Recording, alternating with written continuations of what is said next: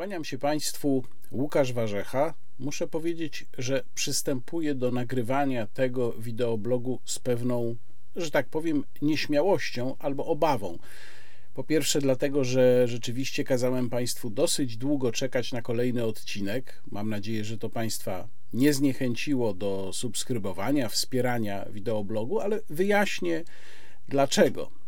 No, dlatego, że sytuacja jest nie tyle nawet trudna, ale tak przesycona różnymi wątkami i tak dużo się dzieje, że zebranie tego w jakąś spójną konstrukcję staje się po prostu trudne. Jak wy, Państwo wiedzą, ja przygotowuję się uważnie do każdego y, nagrania, e, przygotowuję się skrupulatnie i tym razem scenariusz tego odcinka, który tutaj mam. On jest wyjątkowo długi. To jest aż 7 stron punktów, które chciałbym Państwu przedstawić. I to musi się zmieścić w jednym filmie, nawet jeżeli on będzie bardzo długi. Oczywiście mogą Państwo go oglądać na raty. Mamy tutaj podział na rozdziały, więc mam nadzieję, że to ułatwia, ale on musi być jeden, dlatego że będę starał się wytłumaczyć czy przedstawić Państwu moje spojrzenie na różne aspekty tych, no już ponad dwóch tygodni wojny na Ukrainie. I to wszystko musi być w jednym odcinku, właśnie po to, żeby ten obraz był możliwie spójny. A tematy tutaj łączą się ze sobą różne, bo to od kwestii wolności słowa, o tym będę mówił, poprzez kwestie polityczne czy nawet geopolityczne, choć o geopolitycznych będę tu być może mówił najmniej, aż po sprawy gospodarcze, które też się stały osią sporu, właściwie nawet nie same w sobie, ale to, czy w ogóle je w tej sytuacji uwzględniać. Na początku chciałbym Państwa zawiadomić, że powróciłem do salonu 24. Mówię to dlatego, że będę przywoływał w trakcie tego filmu teksty, które właśnie do Salonu 24 napisałem. Na razie to są dwa teksty. Kiedyś miałem tam blog do roku 2014. Pisałem e, blog pod tytułem Jest super, więc o co mi chodzi? No ale ponieważ to jest nowe otwarcie, więc tytuł e, mojego blogu tam się również zmienił i teraz blog nazywa się Teczuszka Stańczyka. To jest y, rzecz jasna nawiązanie do teki Stańczyka, czyli y, zbioru pamfletów politycznych napisanych, w, wydanych w roku 1870 w Krakowie, y, pisanych przez takich wybitnych historyków jak Józef Szujski czy Stanisław Tarnowski, którzy to historycy postanowili zmienić sposób patrzenia na polską historię i zaczęli szukać przyczyn polskich klęsk. No było to zaledwie kilka lat po upadku powstania styczniowego, przede wszystkim w nas samych. No i do dzisiaj te postaci stańczyków, tak zwanych krakowskich, są e, kontrowersyjne. Są tacy, którzy w ogóle kwestionują całkowicie tę krakowską szkołę historyczną, e, właśnie z Szujskim, Konopczyńskim, Mm, e, czy Tarnowskim. Natomiast mnie to spojrzenie jest bliskie i stąd właśnie tytuł e, blogu. Link do blogu zamieszczam w opisie filmu i tak samo jak linki do wszystkich tekstów, które będę w tym mm, e, wideoblogu przywoływał. A zatem zapraszam blog Teczuszka Stańczyka na salonie 24. Ale skoro o mm, Teczuszce Stańczyka mowa, to Stańczyk tam nie był przypadkową postacią w tym mm, zbiorze pamfletów, w tytule tego zbioru e, pamfletów, ponieważ był uznawany w legendzie przynajmniej za e, błazna pozornego, a tak naprawdę za człowieka o znacznie e, szerszym, dalej sięgającym spojrzeniu niż jego współcześni, niż ci, którzy właśnie za błazna go uważali i zresztą w takich postaciach, w takiej postaci mm, przedstawiał go na swoich obrazach e, Jan Matejko. No, najsłynniejszy obraz to jest ten, na którym Stańczyk na balu, podczas balu u królowej Bony, chociaż tak naprawdę to powinien być bal Barbary Zapoi, ponieważ w czasie, kiedy miało miejsce wydarzenie, które tak Stańczyka przygnębiło, a było, była to utrata Smoleńska, no to żoną Zygmunta Starego wtedy jeszcze była Barbara Zapoja, a nie um, królowa Bona, nie Bona Sforca. E, no ale to oczywiście wiemy, że Matejko tam manipulował e, historią, tytułami też manipulował, żeby pewne rzeczy pokazać, więc to jest najbardziej znany obraz, na którym Stańczyk jest pokazany, ale w podobnej zamyślonej pozie jest pokazany też na innych obrazach e, Matejki, choćby na obrazie Hołd Pruski. I z tą sytuacją, którą, z którą w tej chwili mamy do czynienia, która tak zapaliła niektóre głowy, będę o tym jeszcze za chwilę więcej mówił. Kojarzą mi się takie piosenki mm, Jacka Kaczmarskiego, e, jak właśnie Stańczyk, e, śpiewana zresztą przez, akurat przez Przemysława Gintrowskiego. Dziś bal na zamku królowej Bony, wytruto myszy, zwieszono lampiony i zaproszono śpiewaków, czyli jak blednie Moja twarz błazeńska właśnie przeczytał o stracie Smoleńska, ale gdzie Smoleńsk, gdzie Kraków? No i ja się czasem tak trochę czuję, patrząc na konsekwencje tego, co niektórzy chcieliby zrobić. No albo mm, inna piosenka, która mi się kojarzy z tą sytuacją, czyli e, Margrabia Wielopolski, no ją już przywoływałem wielokrotnie. Pan margrabio narodu nie zmienisz, tu rozsądku rzadko się używa, a jedyne co naprawdę umiemy, to najpiękniej na świecie przegrywać. Skąd takie skojarzenia?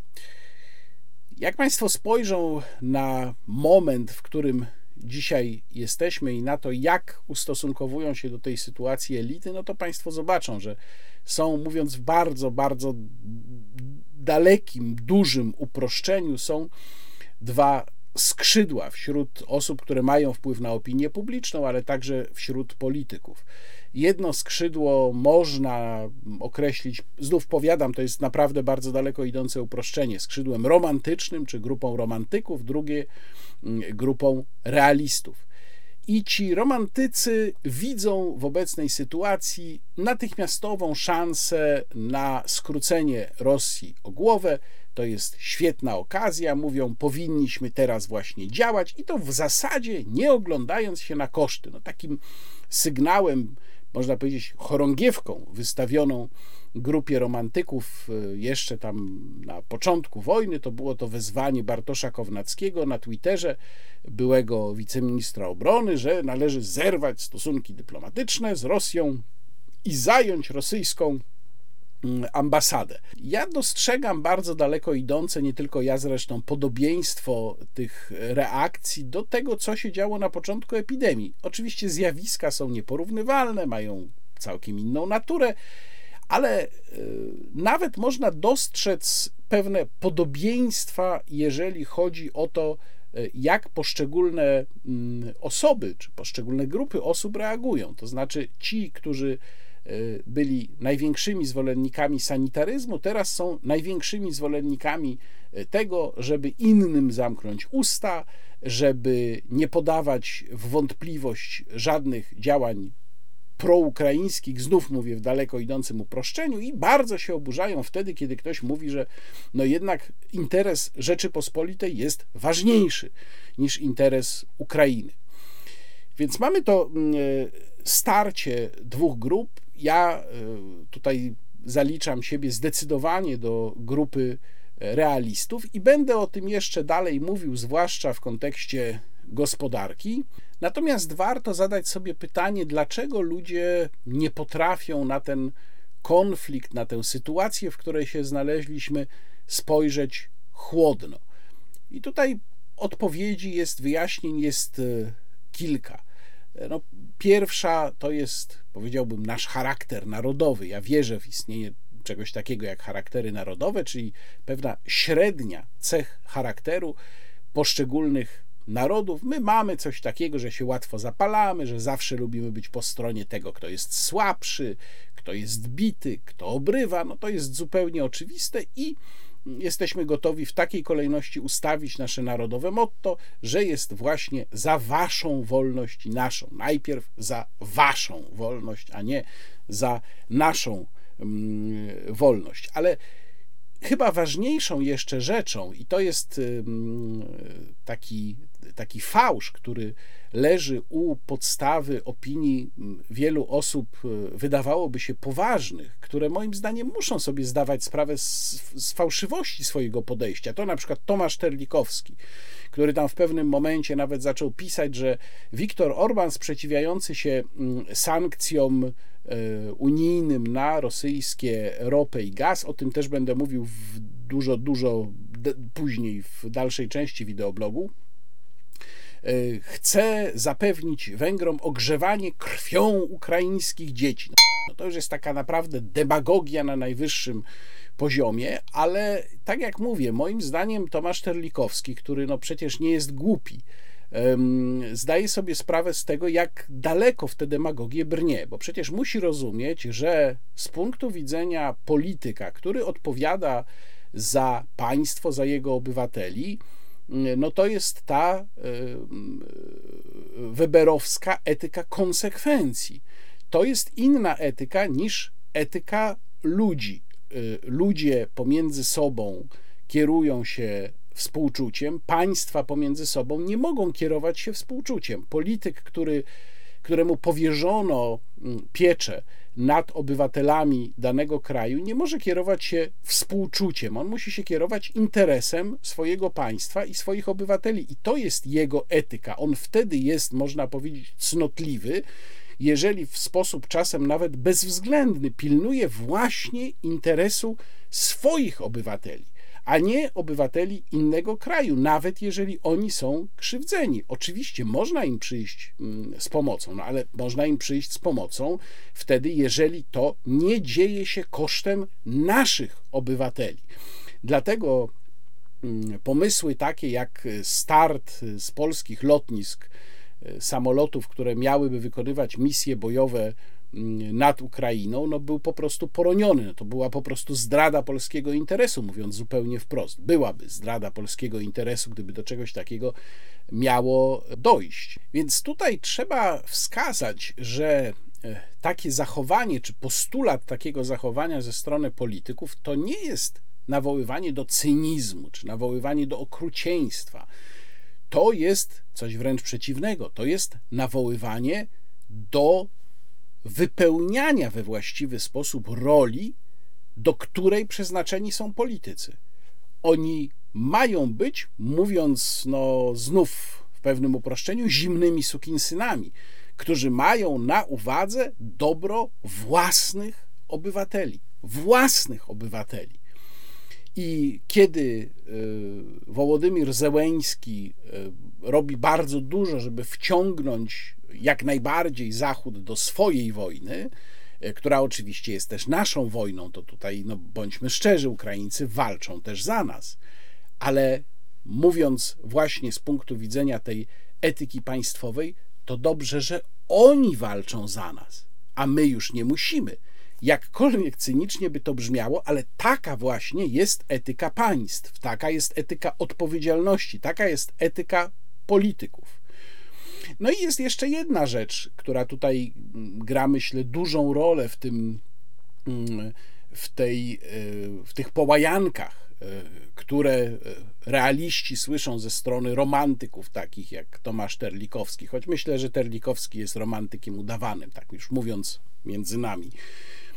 Ale to jest mechanizm podobny też jak przy covid ale też przy wielu innych akcjach, również takich jak na przykład Wielka Orkiestra Świątecznej Pomocy, czyli bardzo łatwo i małym kosztem można się poczuć moralnie lepszym. No bo tam ktoś mówi o pieniądzach, o tym, że jakieś koszty, a ja tutaj powiem, że nie. Mnie obchodzi to, że Rosjanie strzelają do cywilów. No i już człowiek się czuje moralnie lepszy od tego znów powiem, sukinsyna, który tam gdzieś podlicza jakieś pieniądze i mówi o tym, że paliwo podrożało. No to przecież ja jestem moralnie lepszy, prawda? Bo ja się oburzam na to. Ja mówię, że mnie cena paliwa nie obchodzi, co oczywiście nie jest prawdą, tak powiedzmy sobie szczerze, ale mogę to napisać i wtedy właśnie doznam takiego zadowolenia moralnego, takiej satysfakcji moralnej. No, takie mechanizmy u ludzi również działają i myślę, że właśnie ten mechanizm jest w dzisiejszych czasach, y, w tym okresie, w tej sprawie bardzo częsty. Ale od tego tematu trzeba przejść do kwestii wolności słowa, ponieważ y, no, może teraz trochę ta tendencja spadła, choć myślę, że będziemy pewnie za chwilę widzieli wzrost tendencji cenzorskich w, innych aspektach tego samego tematu, ale na początku konfliktu, tak, zobaczyliśmy bardzo silną chęć cenzurowania głosów takich, powiedziałbym, właśnie bardziej e, e, realistycznych. Teraz, żeby było jasne, oczywiście, ja to mówiłem już w poprzednim wideoblogu, oczywiście, że mm, działają różnego rodzaju trole internetowe. To jest zupełnie jasne, nie ulega to żadnej wątpliwości. Sam to widzę, chociaż ostatnio widzę ich e, trochę mniej. Co ważne, te trole moim zdaniem działają po obu stronach, czyli na przykład to są również bardzo często konta, które pod, akurat pod moim adresem um, wypisują różne um, obelgi, um, takie, że właśnie jesteś tam ruską onucą, prawda, zamknij się i tak dalej, ponieważ trole mają jedno zadanie: zasiać niezgodę, zasiać ferment. A czy robią to z tej strony, czy z tamtej, to tu już ma dla nich mniejsze znaczenie. Ale trole trolami, natomiast my mamy prawo dyskutować. Mamy prawo dyskutować i nikt nam tego prawa nie może odebrać. Nie jesteśmy w warunkach żadnego stanu nadzwyczajnego. Kiedy, zdaje się, że mówiłem o tym w poprzednim wideoblogu, kiedy przecież nawet w warunkach stanu wyjątkowego lub stanu wojennego obowiązuje owszem cenzura prewencyjna, ale ta cenzura prewencyjna i tak nie obejmuje mediów społecznościowych. Więc y, sytuacja, y, w której pojawiają się takie wezwania różnego rodzaju, żeby właśnie zamknąć dyskusję, mm, albo żeby ją przynajmniej w znaczący sposób uniemożliwić. Na przykład o tym, czy jakieś niebezpieczeństwa napięć społecznych wiążą się z obecnością uchodźców w Polsce, również o uchodźcach obszernie będę później mówił, no to jest sytuacja niedopuszczalna i trzeba się mieć na baczności. A tymczasem pojawiają się różne bardzo dziwne, powiedziałbym, szemrane nawet, mógłbym powiedzieć, inicjatywy, mm, które e, chcą taką kontrolę pewną, odgórną przejąć nad tym, co można mówić, a czego mówić nie można. I tu taka ciekawostka, to jest oczywiście tylko przykład, mianowicie patrzę sobie ostatnio, pojawia się coś takiego jak Instytut Badania Internetu i Mediów Społecznościowych i portal Wirtualne Media robi rozmowę z ludźmi z tego tak zwanego instytutu i pokazuje analizę instytutu Tutaj Państwo widzą komunikat, bo Instytut wydaje komunikaty. Komunikat incydenty dezinformacyjne. Komunikat z 7 marca. Mm, Instytut pisze tak. W ostatnich 48 godzinach Według dostępnych danych w przestrzeni polskiego internetu i social media, no, social media to, to jest ten, ta nowomowa Y, y, zamiast napisać media społecznościowe, social media. Y, odnotowano spadki prób ataku dezinformacji. No i dalej piszą ludzie z tego instytutu tak. Celem kolejnego etapu wrogich działań w polskich social media będą próby implementacji, że nie można tego po polsku napisać, emocji i przekazów dotyczących podziałów społecznych opartych na percepcji związanych z problemami gospodarczymi oraz tematyką uchodźczą. Co to znaczy? No to znaczy, że ten Instytut Badań Internetu i Mediów Społecznościowych chce wyprzedzić pojawienie się dyskusji na tematy, które rzeczywiście są ważne, no bo przecież temat obecności uchodźców, sposobu ich traktowania, napięć społecznych, które mogą się pojawić w związku z ich przyjazdem w ogromnej liczbie do Polski, nie jest wydumany. To nie jest temat wymyślony przez trole. Owszem, on może być wykorzystywany przez trole, ale sam w sobie jest tematem ważnym, o którym my mamy prawo dyskutować. No nie jest tematem wydumanym. Podobnie jest z kwestią trudności gospodarczych. A tymczasem ten instytut tutaj już sygnalizuje z góry, a priori już oznacza dyskusje, które mogą tego dotyczyć, jako dezinformacyjne. Czyli jak gdyby z góry a priori dyskredytuje tych, którzy chcieliby w tych tematach wyrażać jakieś wątpliwości czy zastrzeżenia. No więc kiedy ja to zobaczyłem, to sobie myślę, a cóż to takiego jest ten instytut? No i zacząłem sprawdzać i okazało się, że ten instytut to jest, proszę Państwa, jakiś czterech facecików, którzy z kapitałem 5 tysięcy złotych założyli sobie coś takiego bodajże w marcu 2000 czy w kwietniu 2020 roku. Czyli jakaś prywatna firemka, która istnieje od dwóch lat i która została założona za 5 tysięcy złotych, rości sobie teraz prawo do tego, żeby e, z nazwą, poważną nazwą Instytut Badań, wyznaczać, co może być mówione w sferze publicznej, a co nie. No, przypomina mi to takie, taką sytuację, kiedy na przykład mamy instytucję, która nazywa się bodajże y, inspektorat, chyba Dolnośląski Inspektorat do Spraw Zwierząt, chyba taka to jest nazwa, która chodzi, której członkowie chodzą w takim umundurowaniu, przypominającym umundurowanie jakichś oficjalnych formacji, a w istocie to jest po prostu zupełnie prywatna, prozwierzęca organizacja, która poprzez tę nazwę i poprzez to umundurowanie chce nastraszyć ludzi, u których interweniuje. I tutaj to jest bardzo podobna sytuacja poważny Instytut Badań Internetu i Mediów Społecznościowych mm, z góry oznacza, że tak, tu będziemy mieli do czynienia z dezinformacją, a tak naprawdę to jest jakichś czterech facecików, których nikt nie zna. I niestety trzeba założyć, że będziemy mieli coraz częściej do czynienia z takimi próbami cenzury, które się będą nasilać w miarę tego, jak będzie się pogarszała sytuacja w związku z kryzysem uchodźczym, a już o kryzysie spokojnie mówić możemy.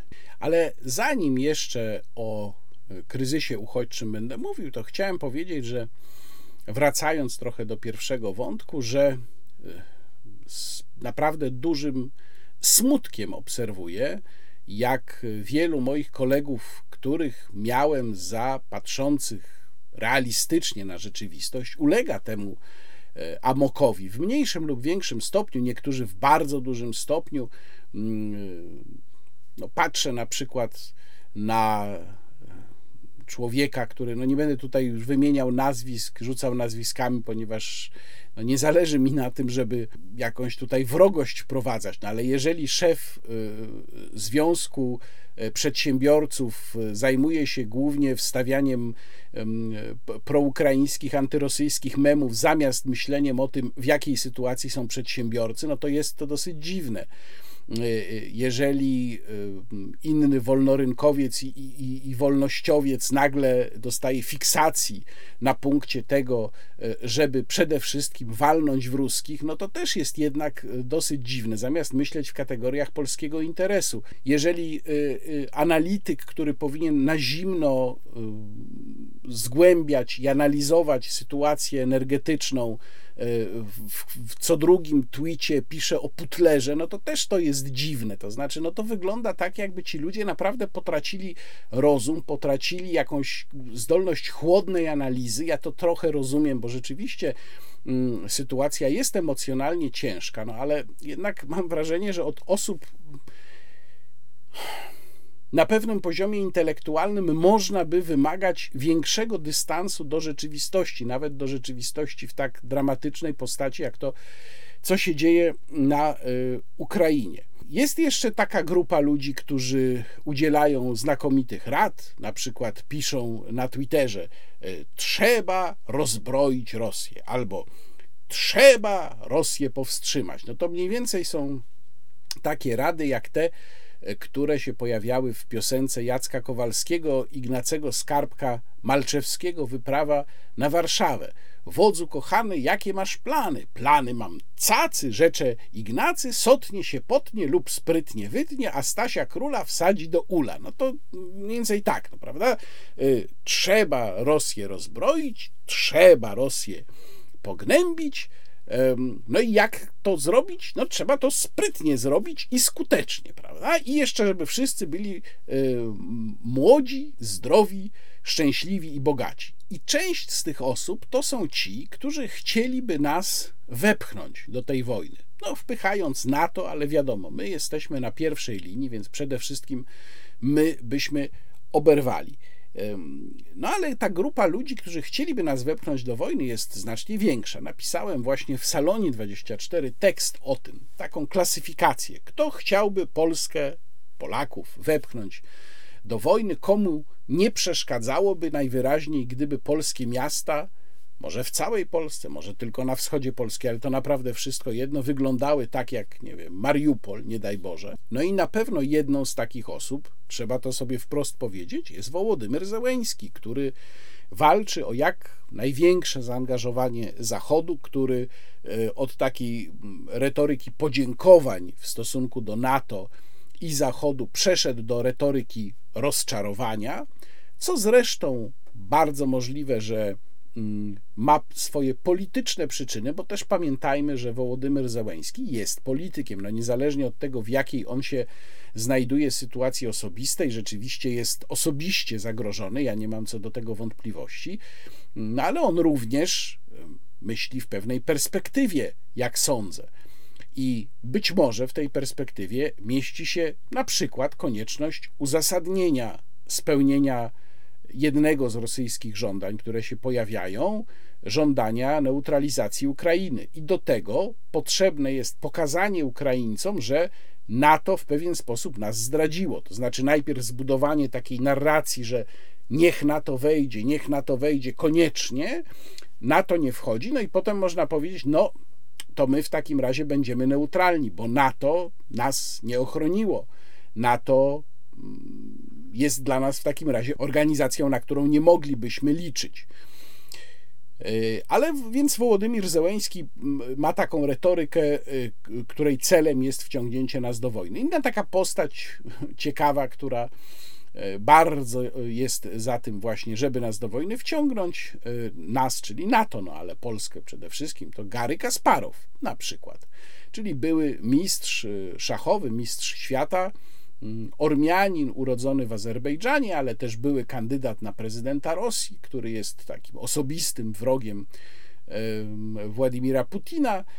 No, tylko że pan Kasparow mm, dzieli swój czas pomiędzy Chorwację, ma chorwackie obywatelstwo zresztą, pomiędzy Chorwację a Nowy Jork. Więc jakby się zaczęła nawalanka w naszej części Europy, to przypuszczam, że pan Kasparow by szybciutko mm, poleciał za ocean i tam by sobie w tym Nowym Jorku spokojnie siedział, czekając na to, co z tego wyniknie, bo może w wyniku e, tego by wreszcie upadł Władimir Putin, to wtedy pan Kasparow by mógł wrócić i e, zawalczyć tam politycznie w Rosji.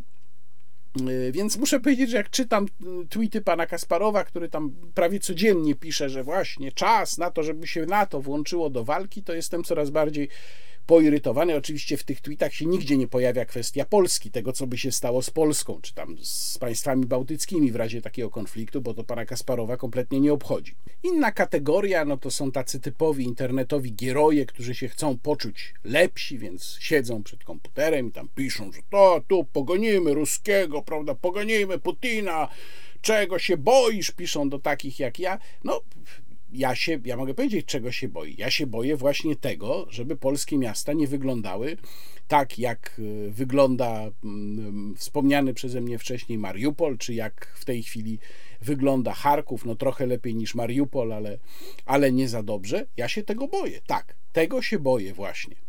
Inna taka kategoria to mm, ludzie, których ja bym nazwał tłustymi kotami obecnej władzy, a którzy podbijają tę narrację wojowniczą, bo we władzy też się ścierają przecież dwa skrzydła czy dwa obozy. Obóz y, realistów i obóz romantyków. No i tamci są bardzo wojowniczy, to tam na przykład Michał Rachoń, tak, oni by już tutaj chcieli do wojny, już tu, żeby NATO się włączyło, tylko ja zawsze mam w pamięci to, jak wyglądał e, wrzesień 1939 roku, kiedy właśnie ci najbardziej wojowniczy, którzy tam śpiewali wcześniej piosenkę o Rydzu Śmigłym, że nikt tam nie zrobi nic, bo z nami jest marszałek Śmigły Rydz, to byli pierwsi do tego, żeby w służbowym samochodzie gnać na Zaleszczyki, drogą na Zaleszczyki i tam przekraczać granicę z Rumunią i pewnie teraz też by tak zrobili. No wreszcie mamy można powiedzieć, fanatyków, którzy, jak to ktoś bardzo zgrabnie ujął, bardziej chyba nienawidzą Rosji niż kochają Polskę. No i mamy też takie dziwne przypadki, bo chyba tak to trzeba ująć, jak ambasador RP w Kijowie, który tam cały czas jest, chyba jako ostatni ambasador z Unii Europejskiej, nie opuścił Kijowa. Pan Bartosz Cichocki, który e, stwierdził w jednej z rozmów, w jednym z wywiadów, że on jest zwolennikiem tego, żeby utworzyć strefę zakazu lotów, no, która by oczywiście była de facto wypowiedzeniem wojny mm, Federacji Rosyjskiej przez NATO czyli powiedział coś, co jest sprzeczne z oficjalną linią polskiego rządu. No i prawdę mówiąc, ambasador, który mówi coś takiego, a przypominam, że nie tak dawno mieliśmy w znacznie mniej kłopotliwych okolicznościach taki kazus, czyli y, dopiero co powołanego ambasadora Rzeczypospolitej w Pradze który zresztą moim zdaniem tam ze swojej roli mm, nie wyszedł, tylko raczej się starał jak, jakoś zbudować linię porozumienia z Czechami. Natomiast to, co mówi pan ambasador Cichocki, no to już może być po prostu groźne. Więc y, ja zupełnie nie rozumiem braku reakcji polskiego MSZ na te y, jego słowa. No, pana ambasadora zresztą można by wezwać do opuszczenia Kijowa, jeżeli ma taką możliwość wciąż, myślę, że e, miałby fizycznie taką możliwość i wezwać go po prostu do powrotu do Warszawy, bo lepiej by było chyba, żeby on już więcej tych wywiadów z Kijowa nie udzielał. Teraz parę słów o tym, co chyba jest najtrudniejsze do przeanalizowania i e, do czego przesłanek mamy najmniej, czyli jaki nam się z tego wszystkiego wyłania układ, nowy międzynarodowy układ. Najprostsza odpowiedź byłaby nie wiadomo. Dlatego, że dopóki trwają działania wojenne, dopóki nie wiemy, jaka będzie pozycja Władimira Putina po zakończeniu tej wojny, ba, nie wiemy nawet, jak ona się skończy, bo przecież tutaj też są różne scenariusze. Żeby wymienić tylko dwa, jeden to jest podział Ukrainy, na który być może Wołodymyr Zełeński będzie musiał się e, zgodzić, chociaż to by było dla niego bardzo trudne politycznie.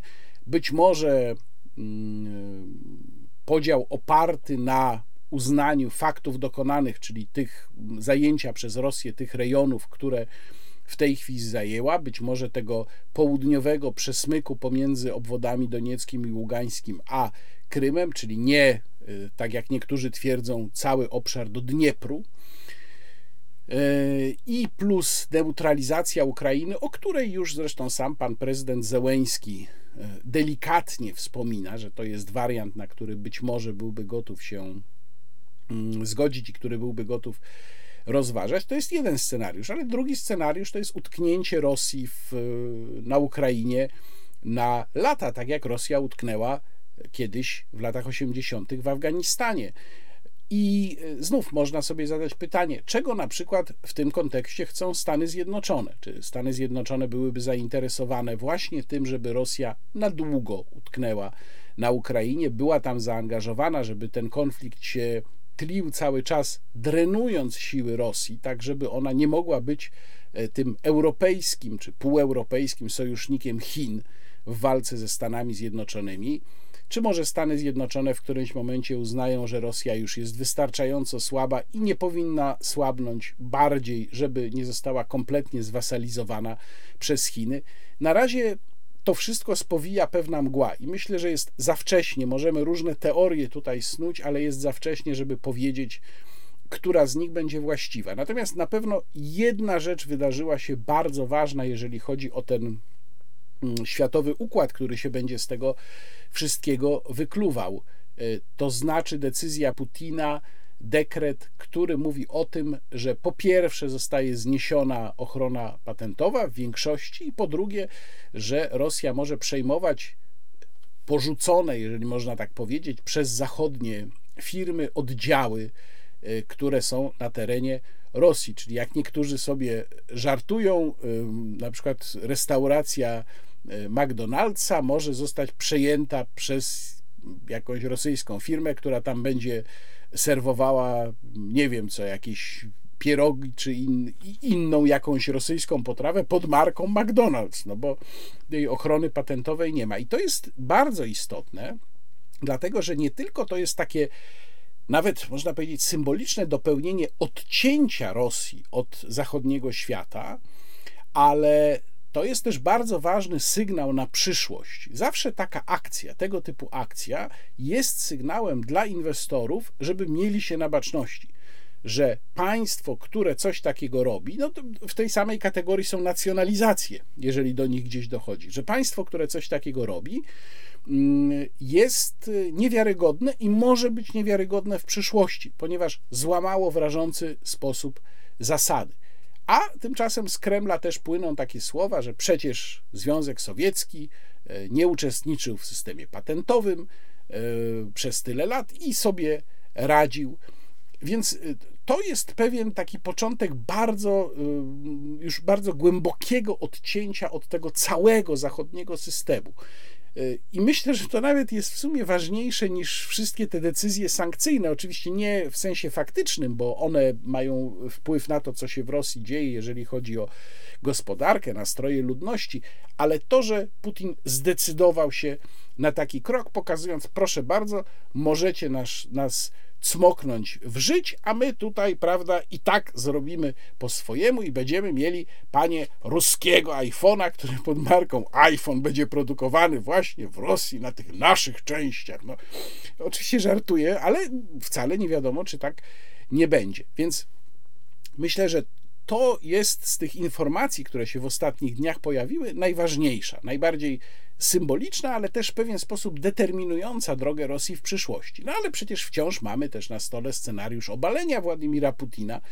Mm, takie e, sugestie, różne przecieki się już pojawiały. Nie wiadomo, co z tego jest prawdą, co nie jest prawdą, co jest inspirowane przez stronę amerykańską, przez stronę ukraińską. No, krótko mówiąc, mamy bardzo mm, głębokie zamieszanie wokół tego, co się dzieje, i trudno z tego wyłowić jakąś mm, wizję. Ja bym nawet powiedział, że nie ma stuprocentowej pewności, czy my rzeczywiście mamy do czynienia z głęboką strategiczną zmianą, bo kiedy mm, y, nagrywaliśmy, właściwie byliśmy na żywo z Antonim Dudkiem, w dzisiaj, w dniu, kiedy nagrywam ten wideoblog w nocy, ale to jest jeszcze piątek, to Antoni Dudek powiedział, że on jest przekonany, że będzie próba powrotu Zachodu do e, takiego no, business as usual. Oczywiście jest pytanie, czy to jest możliwe przy Władimirze Putinie, nawet gdyby wojna się zakończyła.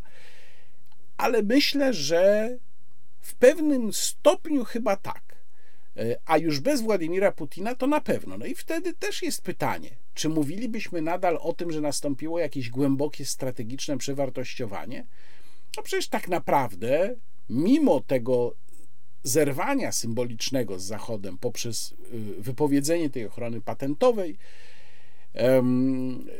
to można sobie wyobrazić, że przynajmniej część firm uznaje, że no dobrze, to już teraz możemy wrócić, że Rosja się robi taka niby bardziej cywilizowana, jest jakiś tam łagodniejszy przywódca, bardziej pragmatyczny i w zasadzie na przykład w tego typu wariancie powiedzmy, że za 5 lat w zasadzie budzimy się w tym samym świecie, który był przed 24 lutego tego roku. Czyli w świecie, w którym Rosja jakoś tam uczestniczy w tym światowym systemie, normalnie sprzedaje surowce. No, właściwie wszystko, prawie wszystko wraca do stanu poprzedniego. Zatem ja byłbym daleki ze stawianiem jakichś ostatecznych e, tez, bardzo daleko idących. Raczej powiedziałbym, że po prostu niewiele możemy na ten temat powiedzieć i musimy poczekać, aż coś się z tego chaosu, z tej mgły wojny wreszcie wyłoni, bardziej definitywnego. Trzeba teraz trochę miejsca poświęcić sprawie MIGów 29, chociaż to było już w wielu aspektach omawiane, no ale trzeba o tym powiedzieć, chociażby dlatego, że tutaj wypada pochwalić polski rząd, ale też z pewnym, no może nie tyle zastrzeżeniem, co z, z niepewnością, bo ja bardzo chciałbym się dowiedzieć, jak wyglądały w kręgu polskich władz negocjacje na temat tego, co zrobić. Co zrobić w kwestii MIGów 29? Jak wyglądało to starcie skrzydła, bo jestem pewien, że do takiego doszło, idealistów z realistami.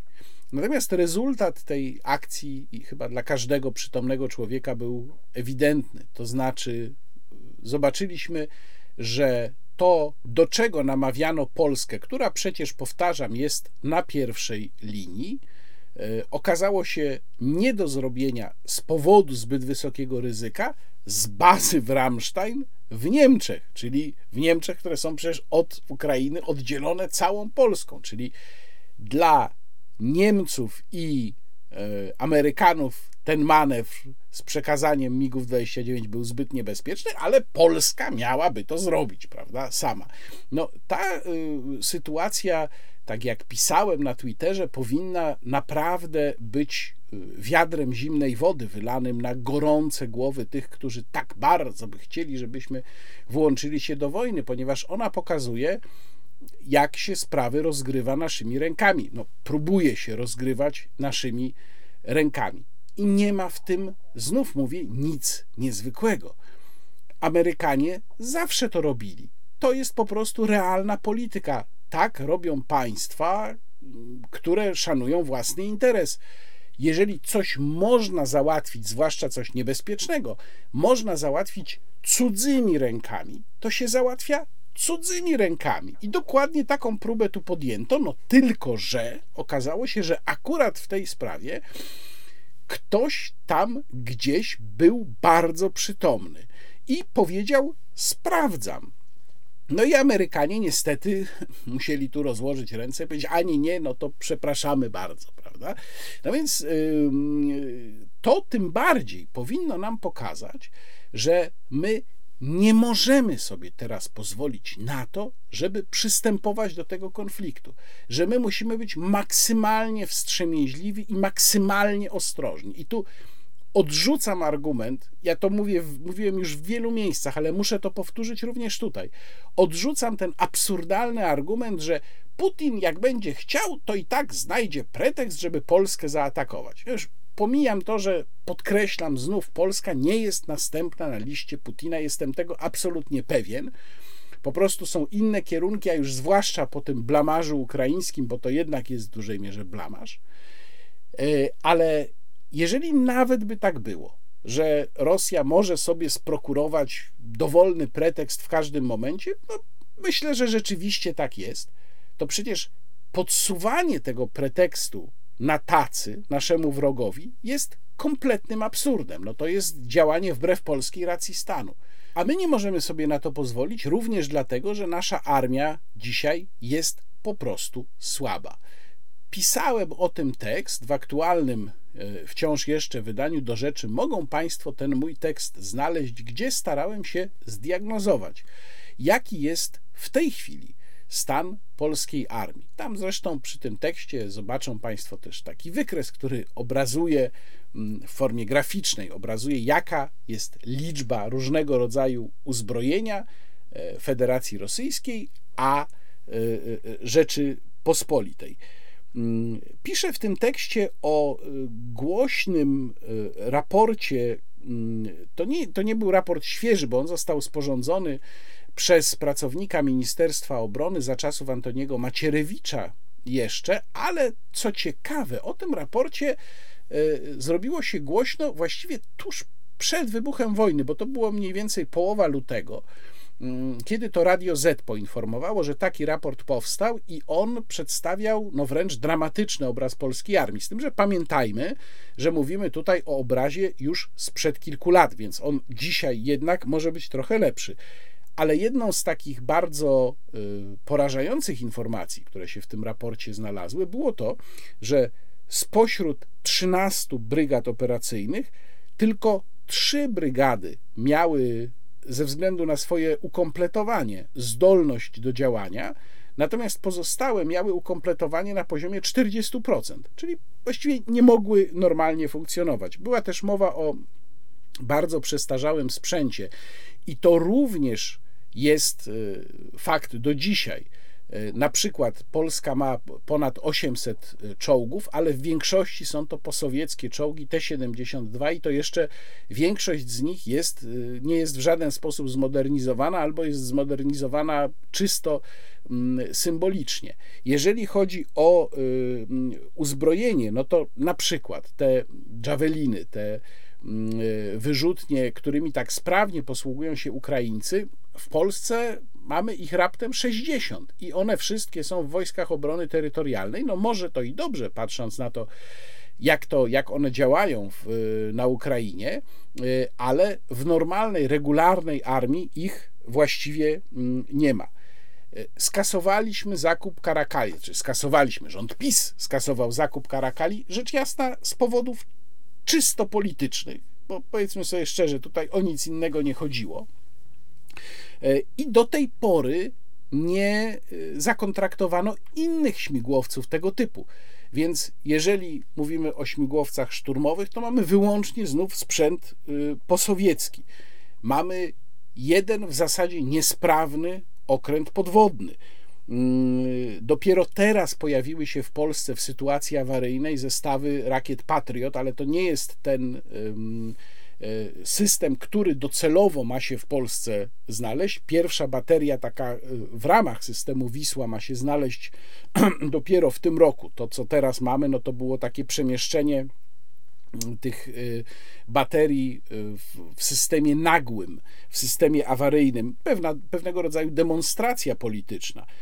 W powijakach jest system NAREW, obrony przeciwlotniczej krótkiego zasięgu. Więc to wszystko, no a no i kupujemy, to jest akurat dobra wiadomość, kupujemy te bajraktary, czyli te bezzałogowce, które tak świetną robotę robią na Ukrainie. Ale to pokazuje, że polska armia nie jest dzisiaj w takim stanie, żeby mogła podjąć ryzyko konfliktu zbrojnego z Federacją Rosyjską. Więc powtarzam, my musimy sobie kupić czas. Musimy kupić czas po to, żeby mieć kiedy polską armię zmodernizować. Y, I to prowadzi mnie do kolejnego tematu, którym jest ustawa o obronie ojczyzny. Ustawę o obronie ojczyzny w Sejmie, y, to chyba było 3, 3 marca, prezentował Jarosław Kaczyński, wicepremier do spraw bezpieczeństwa. I no proszę mi wybaczyć tę refleksję, bo ona jest może mało merytoryczna, ale Jarosław Kaczyński z maseczką naciągniętą potąd, co za chwilę zresztą Państwo zobaczą we fragmentach jego wystąpienia, które dla Państwa przygotowałem, sprawiający wrażenie poważnie niedotlenionego z powodu tej maseczki, a może z jakiegoś innego powodu, nie był najlepszą ilustracją państwa um, poważnego, które chce się zbroić. Ale też to wystąpienie Jarosława Kaczyńskiego zawierało wiele no dosyć jednak moim zdaniem kuriozalnych momentów. Proszę zobaczyć ten kilkuminutowy skrót wystąpienia, zresztą niezbyt długiego, bo mniej więcej 20-minutowego, który dla Państwa przygotowałem. To jest potężny akt normatywny wielkości kodeksu 804 artykuły, 26 działów. Te działy podzielone przynajmniej znaczna część z nich na rozdziały. Niektóre rozdziały podzielone jeszcze na działy, czyli rozwinięta systematyka. Ustawa ta uchyla w pełni 14 ustaw, a zmienia 81.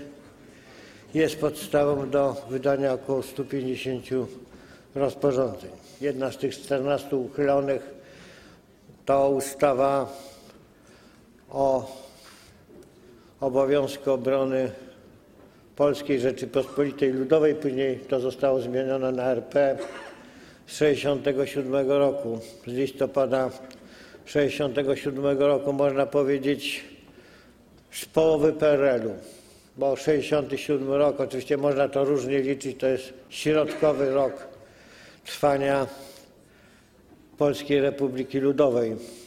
No mówiąc dokładnie, nie w sensie nazwy, bo ta została przyjęta dopiero w 1952 roku, ale w sensie tego systemu politycznego, który tutaj istniał.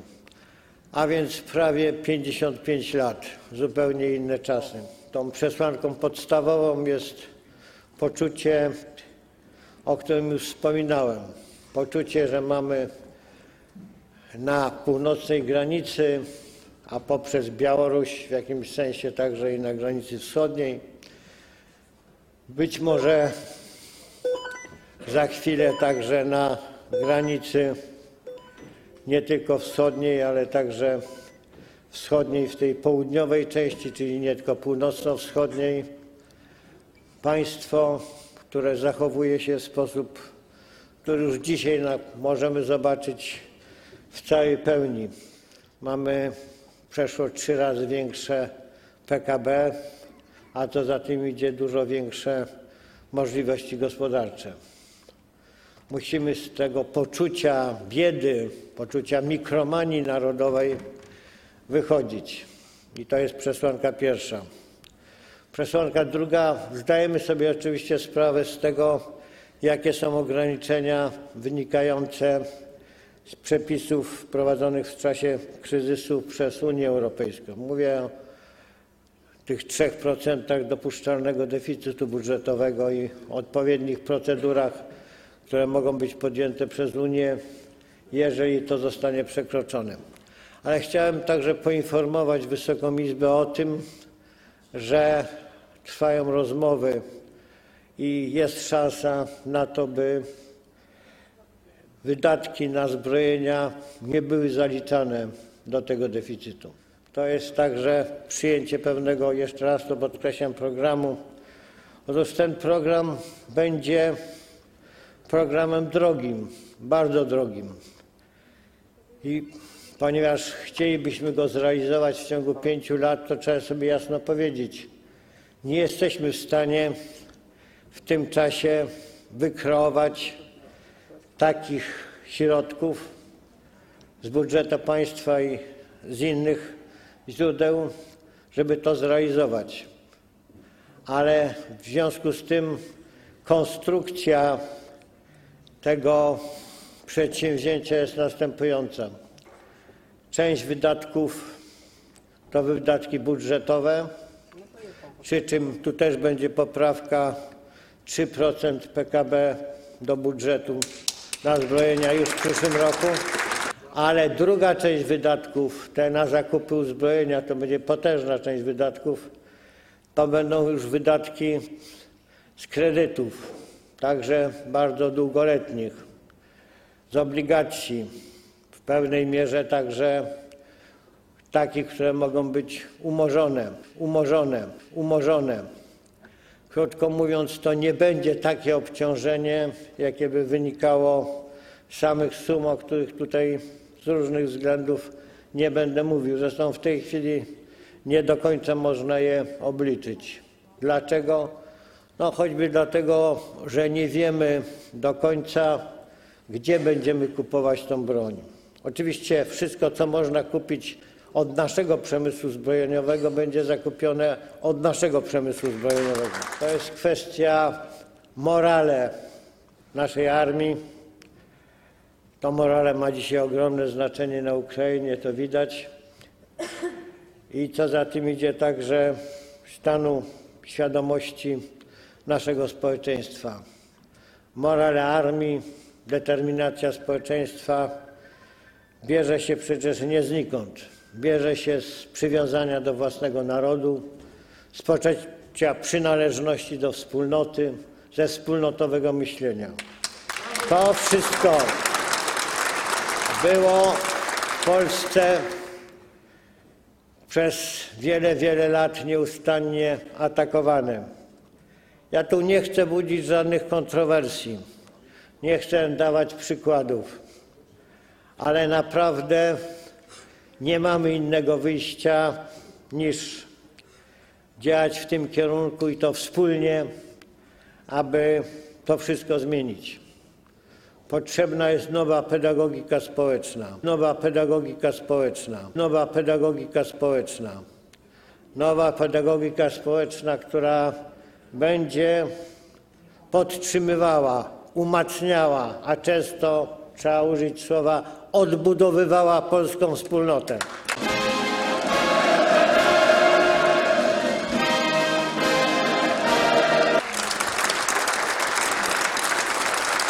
Bo tylko wtedy, Wysoka Izbo, będziemy mogli mieć pewność, że ta nawet bardzo dobrze uzbrojona i liczna armia będzie rzeczywiście zdolna do działania. No mieliśmy tam dużo dygresji. Ja tutaj oczywiście tylko pokazałem przykład w postaci tych wywodów Jarosława Kaczyńskiego o tym, ile lat trwał PRL. No to takie jakieś zadziwiające dygresje, którymi wicepremier do spraw bezpieczeństwa raczył Wysoką Izbę, ale też było tam kilka interesujących wątków. No, na przykład ważny był ten wątek Morales, tym postulatem nowego programu wychowania społeczeństwa i nawet można by się zgodzić, tylko jak spojrzeć na, mm, na to, jak PiS po pierwsze rządzi przez y, od 2015 roku, przez y, już no, ponad, y, dobrze ponad 6 lat, i w jakim trybie była przygotowywana ta ustawa, o której konstrukcji zaraz powiem, no to nijak to nie współgra z tym, co Jarosław Kaczyński mówi o tym, że trzeba budować wspólnotę, bo rzeczywiście przez te ponad 6 lat PiS pewnym grupom społecznym, na przykład przedsiębiorcom, na przykład klasie średniej, pokazywał, że one są kompletnie dla rządzących nieważne. Spadaj ta na bambus, prawda? Przygotowując tę ustawę, w zasadzie też nie wyciągnął w żaden sposób ręki do opozycji, a tego typu program, ogromny program, zakrojony na lata, Jarosław Kaczyński mówi tam o pięciu latach, to jest moim zdaniem kompletnie nierealne. Tego typu program nie jest na pięć lat, tylko jest na dekadę co najmniej. On powinien być absolutnie ponadpartyjny. On powinien mieć akceptację, imprimatur wszystkich głównych sił politycznych, bo tylko wtedy jego uchwalenie ma sens. Czy PiS cokolwiek w tym kierunku zrobił? Kompletnie nic. No więc z jednej strony mamy tę przemowę Jarosława Kaczyńskiego o jedności, o tym, że ona jest konieczna, żeby zbudować to morale, program edukacji społecznej, czy jak on to tam nazwał, a z drugiej strony praktyka, która mówi zupełnie co innego. Teraz parę słów o tym, jak jest zbudowana ta ustawa. E, to Jarosław Kaczyński zresztą mówił w tym wystąpieniu. Ona ma tak: 521 stron. 447 stron samych przepisów, 805 artykułów, uchyla 14 innych ustaw, a zmienia 81 ustaw. I o tej ustawie pan prezydent mówi, że powinna być uchwalona jak najszybciej. No przecież skutki przepchnięcia kolanem takiego aktu prawnego, o którym sam Jarosław Kaczyński tutaj mówi, że to jest jak kodeks, ona jest wielka jak kodeks, będą takie jak przy Polskim Ładzie. A nawet jeszcze gorsze, bo tutaj będzie chodziło o obronność państwa. Czyli w akcie tak gigantycznym, takich rozmiarów, nie ma po prostu szans, żeby w tak szybkim tempie nie przeszły tam jakieś kiksy, błędy, przeinaczenia, nielogiczności, które później będą miały wpływ na obronność państwa. I ponieważ mówimy tutaj o programie zakrojonym na lata, to naprawdę opóźnienie uchwalenia tej ustawy o cztery miesiące, o pół roku nie miałoby żadnego znaczenia. Ona nam przecież w niczym nie pomoże, jeżeli ją uchwalimy teraz. No, gdyby coś się w tej chwili zaczęło dziać, to uchwalenie tej ustawy nie ma żadnego znaczenia. Ona będzie dawała efekty dopiero po latach, tak czy owak. Więc można by spokojnie ją odłożyć, pozwolić ekspertom, żeby się jej przyjrzeli, prawnikom, żeby dokładnie przeanalizowali stronę prawną i dopiero wtedy ją uchwalać. Ale nie. No, dlaczego nie?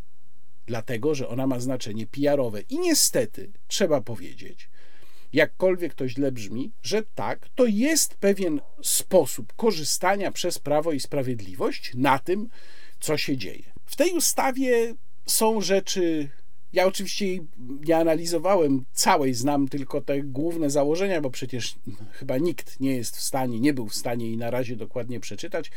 Tam są rzeczy, y, wydawałoby się, sensowne i mniej sensowne. Na pewno sensowną rzeczą, którą chwali większość ekspertów i wojskowych, jest uelastycznienie kariery w wojsku. Ta taka ścieżka, która pozwala się najpierw y, sprawdzić, przetestować, czy dana osoba jest zainteresowana Mm, y, dalszą y, służbą, ewentualnie służbą zawodową, no i podjąć decyzję po roku spędzonym na szkoleniu. To jest bardzo dobry i ciekawy pomysł, ale główny pomysł, który w tej ustawie jest, czyli rozbudowa armii do 300 tysięcy osób, z tego 50 tysięcy ma być wojsk obrony terytorialnej. W tej chwili te wojska mają bodajże 32 tysiące.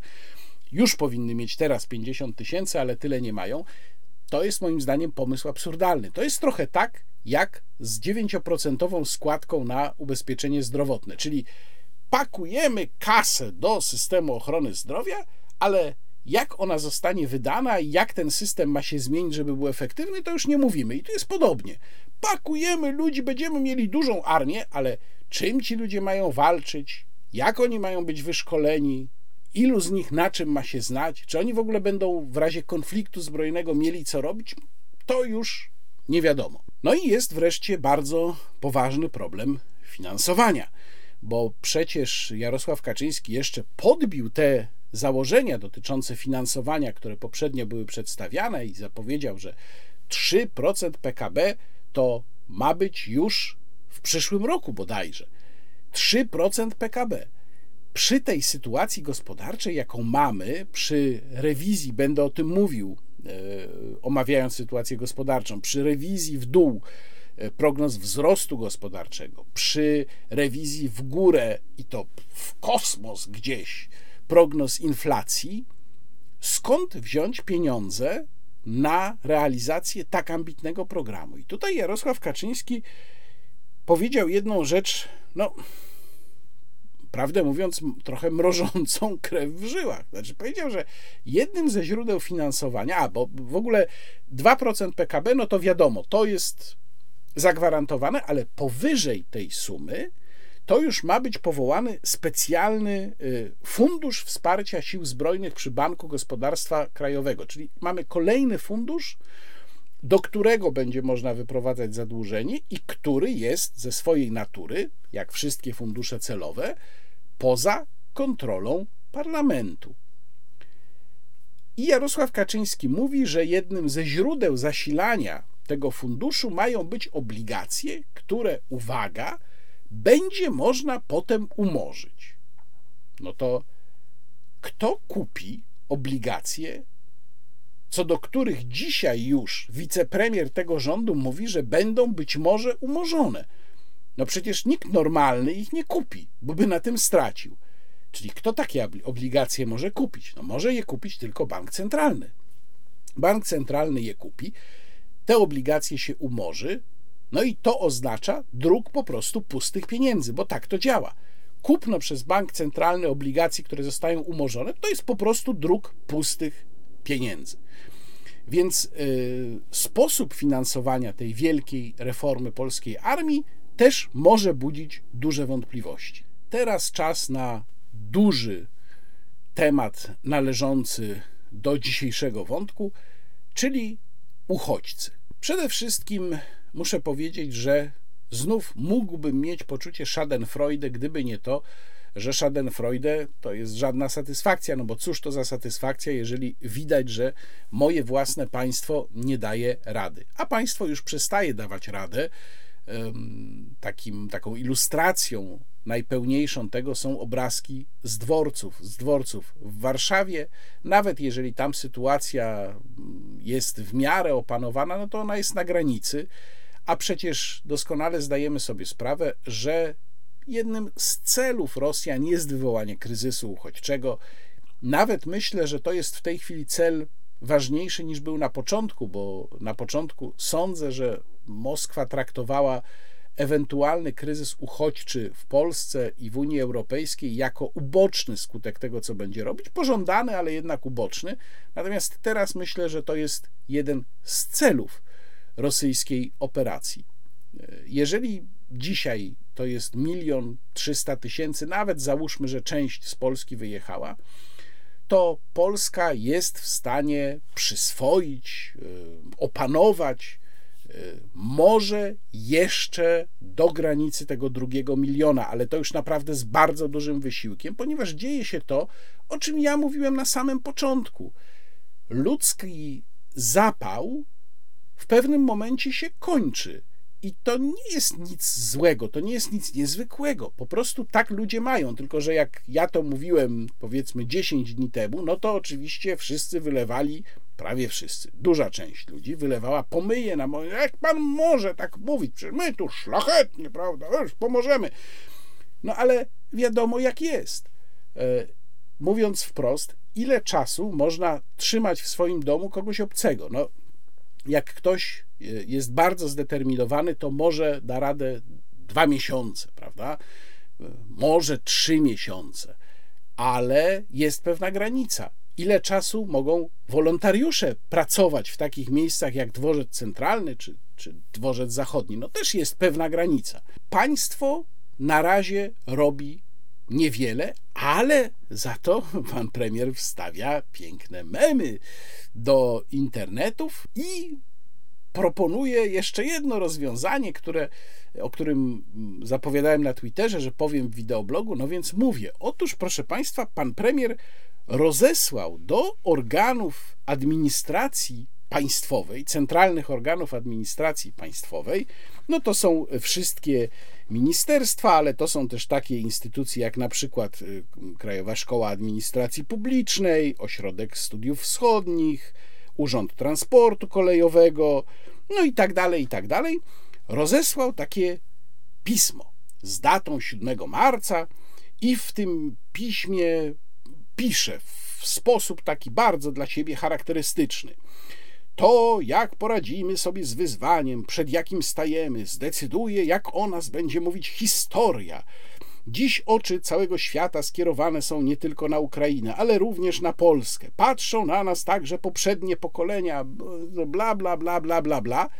Natomiast sens tego pisma jest taki, i tu cytuję główny, kluczowy jego fragment. W związku z tym proszę, aby wszystkie zasoby lokalowe będące w Państwa dyspozycji, które nie są niezbędne do prowadzenia statutowej działalności i które mogą dopomóc w złagodzeniu obecnego kryzysu w jak najkrótszym czasie, zostały przygotowane do przyjęcia naszych ukraińskich sąsiadów. Czyli krótko mówiąc, pan premier oczekuje, właściwie nie wiem czego, że na przykład Ministerstwo Finansów udostępni uchodźcom swój hol, czy może, że w ośrodku studiów wschodnich na klatce schodowej się uchodźcy rozłożą? Nie mam pojęcia. Ja rozumiem, że zgodnie z tym, co w tym piśmie jest, pan premier udostępni uchodźcom również ogrody kancelarii premiera, bo tam jest akurat całkiem dużo miejsca. No, można sobie żartować, ale to nie zmienia postaci rzeczy, że państwo nie wywiązuje się na razie ze swojej roli, a ja przypomnę, że przecież w tym naszym państwie również my żyjemy, my Polacy. I rozumiejąc bardzo trudną sytuację uchodźców, no to jednak ja bym przypomniał na przykład, że Polacy też jeżdżą pociągami, że Polacy też chcą korzystać z dworców, że też muszą dojechać do pracy, do szkoły, na spotkanie. No i na przykład ten sektor transportu właściwie w tej chwili na pewnych odcinkach nie funkcjonuje. I państwo nie jest w stanie tego odblokować. Już teraz powinno być tak, na co wskazują eksperci, że uchodźcy powinni być od granicy rozwożeni i to powinna być akcja koordynowana przez państwo, powinni być rozwożeni równo po całym kraju, ale też powinni być transportowani poza granice Polski. Czyli powinna być po prostu podjęta akcja relokacyjna. Coś takiego być może się zaczyna. Widziałem dzisiaj informację, którą wstawił na Twittera pan e, Szefernaker, pan wiceminister Spraw Wewnętrznych, mówiąc o tym, że uruchamiamy, to była taka dosyć mglista informacja, system sztafetowy, czyli uchodźcy, którzy przyjadą e, do bodajże Krakowa i Warszawy pociągami czy autobusami, będą mogli od razu stamtąd ruszyć dalej e, na zachód specjalnym transportem. Ale jest pytanie, czy to jest relokacja dobrowolna, pojadą ci, którzy chcą? No chyba tak, tylko że to nie jest rozwiązanie naszego problemu, bo niestety trzeba powiedzieć sobie wprost: my sobie już nie możemy pozwolić w tym momencie na kontynuowanie takiej metody pospolitego ruszenia i dobrowolności, jak do tej pory. Musimy po prostu postawić sprawę twardo. To muszą być miejsca, gdzie e, uchodźcy będą w jakiś sposób selekcjonowani, jeżeli chodzi o transport do poszczególnych państw Unii Europejskiej. I ja oczywiście wiem, że wszyscy mówią, no ale w czasie kryzysu 2014-16 rząd PiS nie godził się na relokację. No faktycznie nie godził się. Ja uważam, że nie można tych kryzysów porównywać, bo tamten był kryzysem nie uchodźczym, tylko był kryzysem migrantów, których Angela Merkel zaprosiła do Europy. No ale powiedzmy, że można by ten argument przeciwko Polsce wykorzystywać. Ja zresztą wtedy uważałem, że powinniśmy byli przyjąć dla świętego spokoju nawet kilkuset tych migrantów, którzy by i tak zaraz zwiali do Niemiec, ale byśmy ich przyjęli, no i potem moglibyśmy mówić, że no przecież myśmy się zgodzili, prawda, uczestniczyliśmy, uczestniczyliśmy w tej mm, relokacji. No ale nie zrobiliśmy tego, natomiast to nie znaczy, że dzisiaj nie powinniśmy podejmować na ten temat rozmów, podobnie jak powinniśmy podjąć rozmowy na temat znacznie większego funduszu unijnego, jeżeli chodzi o e, pomoc w opanowaniu kryzysu uchodźczego, bo na razie na stole jest raptem 500 milionów euro, które mają być pieniędzmi dla wszystkich krajów przyjmujących uchodźców. A to nawet Czechy przyjmują uchodźców, które przecież z Ukrainą nie graniczą. Nie tylko Czechy. Inne państwa Unii Europejskiej też, choć niektóre w liczbach symbolicznych. Natomiast e, jeżeli w 2016 roku Turcja od Unii Europejskiej otrzymała 6 miliardów euro, sama Turcja, tylko za to, że nie wypuściła ze swojego terytorium migrantów, którzy tam się zgromadzili, nie przepuszczała ich do Europy, no to przepraszam bardzo, ale my naprawdę powinniśmy tutaj liczyć na fundusze też rzędu kilku miliardów euro. Tylko, że sytuacja jest zupełnie inna, ponieważ my na samym początku i myślę znów, że rząd się po prostu kierował trochę niezdolnością do um, przeprowadzenia tej akcji, a trochę, czyli taką dojutrkowością, no, brakiem organizacji, brakiem przewidywania, a trochę chęcią zrobienia sobie znakomitego PR-u na naszej wspaniałym zapale i, i naszej, naszym humanitaryzmie. My bierzemy uchodźców do siebie. To jest pierwsza taka sytuacja w historii. Cały naród gości Ukraińców. Otóż rząd powinien był, y, rząd się po prostu pozbawił argumentu, bo gdyby było tak, że z wyprzedzeniem przygotowano by miejsca, no takie centra dla uchodźców. Ja nie, bardzo mi się nie podoba to słowo obozy dla uchodźców, więc staram się go mm, nie używać. Powiedzmy centra dla uchodźców. E, I uchodźcy trafialiby do tych centrów, uciekając z Ukrainy, i ewentualnie stamtąd mogliby trafić do prywatnych domów, gdyby takie się znalazły, albo jechać do swoich rodzin, no bo nikt by ich na siłę tam y, nie trzymał, gdyby mieli dokąd pójść. Ale gdyby nie mieli dokąd pójść, to oni powinni być w tych centrach i polski rząd powinien ich obecność w tych miejscach, które mamy w Polsce, mamy różne takie miejsca, powinien traktować jako argument przetargowy z Unią Europejską, jeżeli chodzi o relokację i jeżeli chodzi o pieniądze. Tymczasem sytuacja jest odwrotna. Najpierw wszystkich wzięliśmy, powiedzieliśmy, że będziemy wszystkich przyjmować absolutnie. I teraz dlatego na przykład premier Holandii Mark Rutte mówi: No, brawo Polacy, brawo. No ale przecież my wam nie musimy pomagać, bo sami powiedzieliście, że sobie ze wszystkim radzicie. I teraz to nie my mamy argument, ale Unia Europejska ma argument. Mało tego, to nie jest tylko argument pieniędzy związanych z kryzysem uchodźczym. To jest argument dotyczący każdych pieniędzy, również na przykład Krajowego Planu Odbudowy, również ewentualnego wszczęcia procedury y, pieniądze za praworządność, czyli procedury warunkowości, to my dzisiaj mamy problem, ponieważ na początku rozegraliśmy sprawę, czy rząd rozegrał sprawę po prostu źle. I my dzisiaj mamy problem, i to my dzisiaj możemy być obiektem swoistego szantażu Brukseli, a powinno być dokładnie odwrotnie. No to teraz powiem Państwu o tym, co jest w tej słynnej specustawie o e, pomocy uchodźcom z Ukrainy, druk numer 2069, e, to jest numer druku sejmowego, ale ustawa już jest w Senacie i tam w taki szczególny, podniosły, romantyczny i łzawy sposób prezentował ją wiceminister spraw wewnętrznych, pan Błażej Poboży. Proszę zobaczyć. Od dwóch tygodni Polacy są zaangażowani w proces, który jest zjawiskiem absolutnie bez precedensu. Pomoc płynie od instytucji rządowych, samorządów, NGO-sów, od zwykłych ludzi. Całe polskie społeczeństwo i polskie państwo jest dziś głosem naszych przyjaciół, naszych sąsiadów, naszych braci z Ukrainy, którzy zostali, którzy stali się obiektem bezprzykładnej agresji. Wszystkie osoby, które przed bombami, przed trwającą wojną i jej konsekwencjami szukają schronienia, dostają to schronienie w Polsce. Polska jest dziś sumieniem Europy, sumieniem Europy, sumieniem Europy.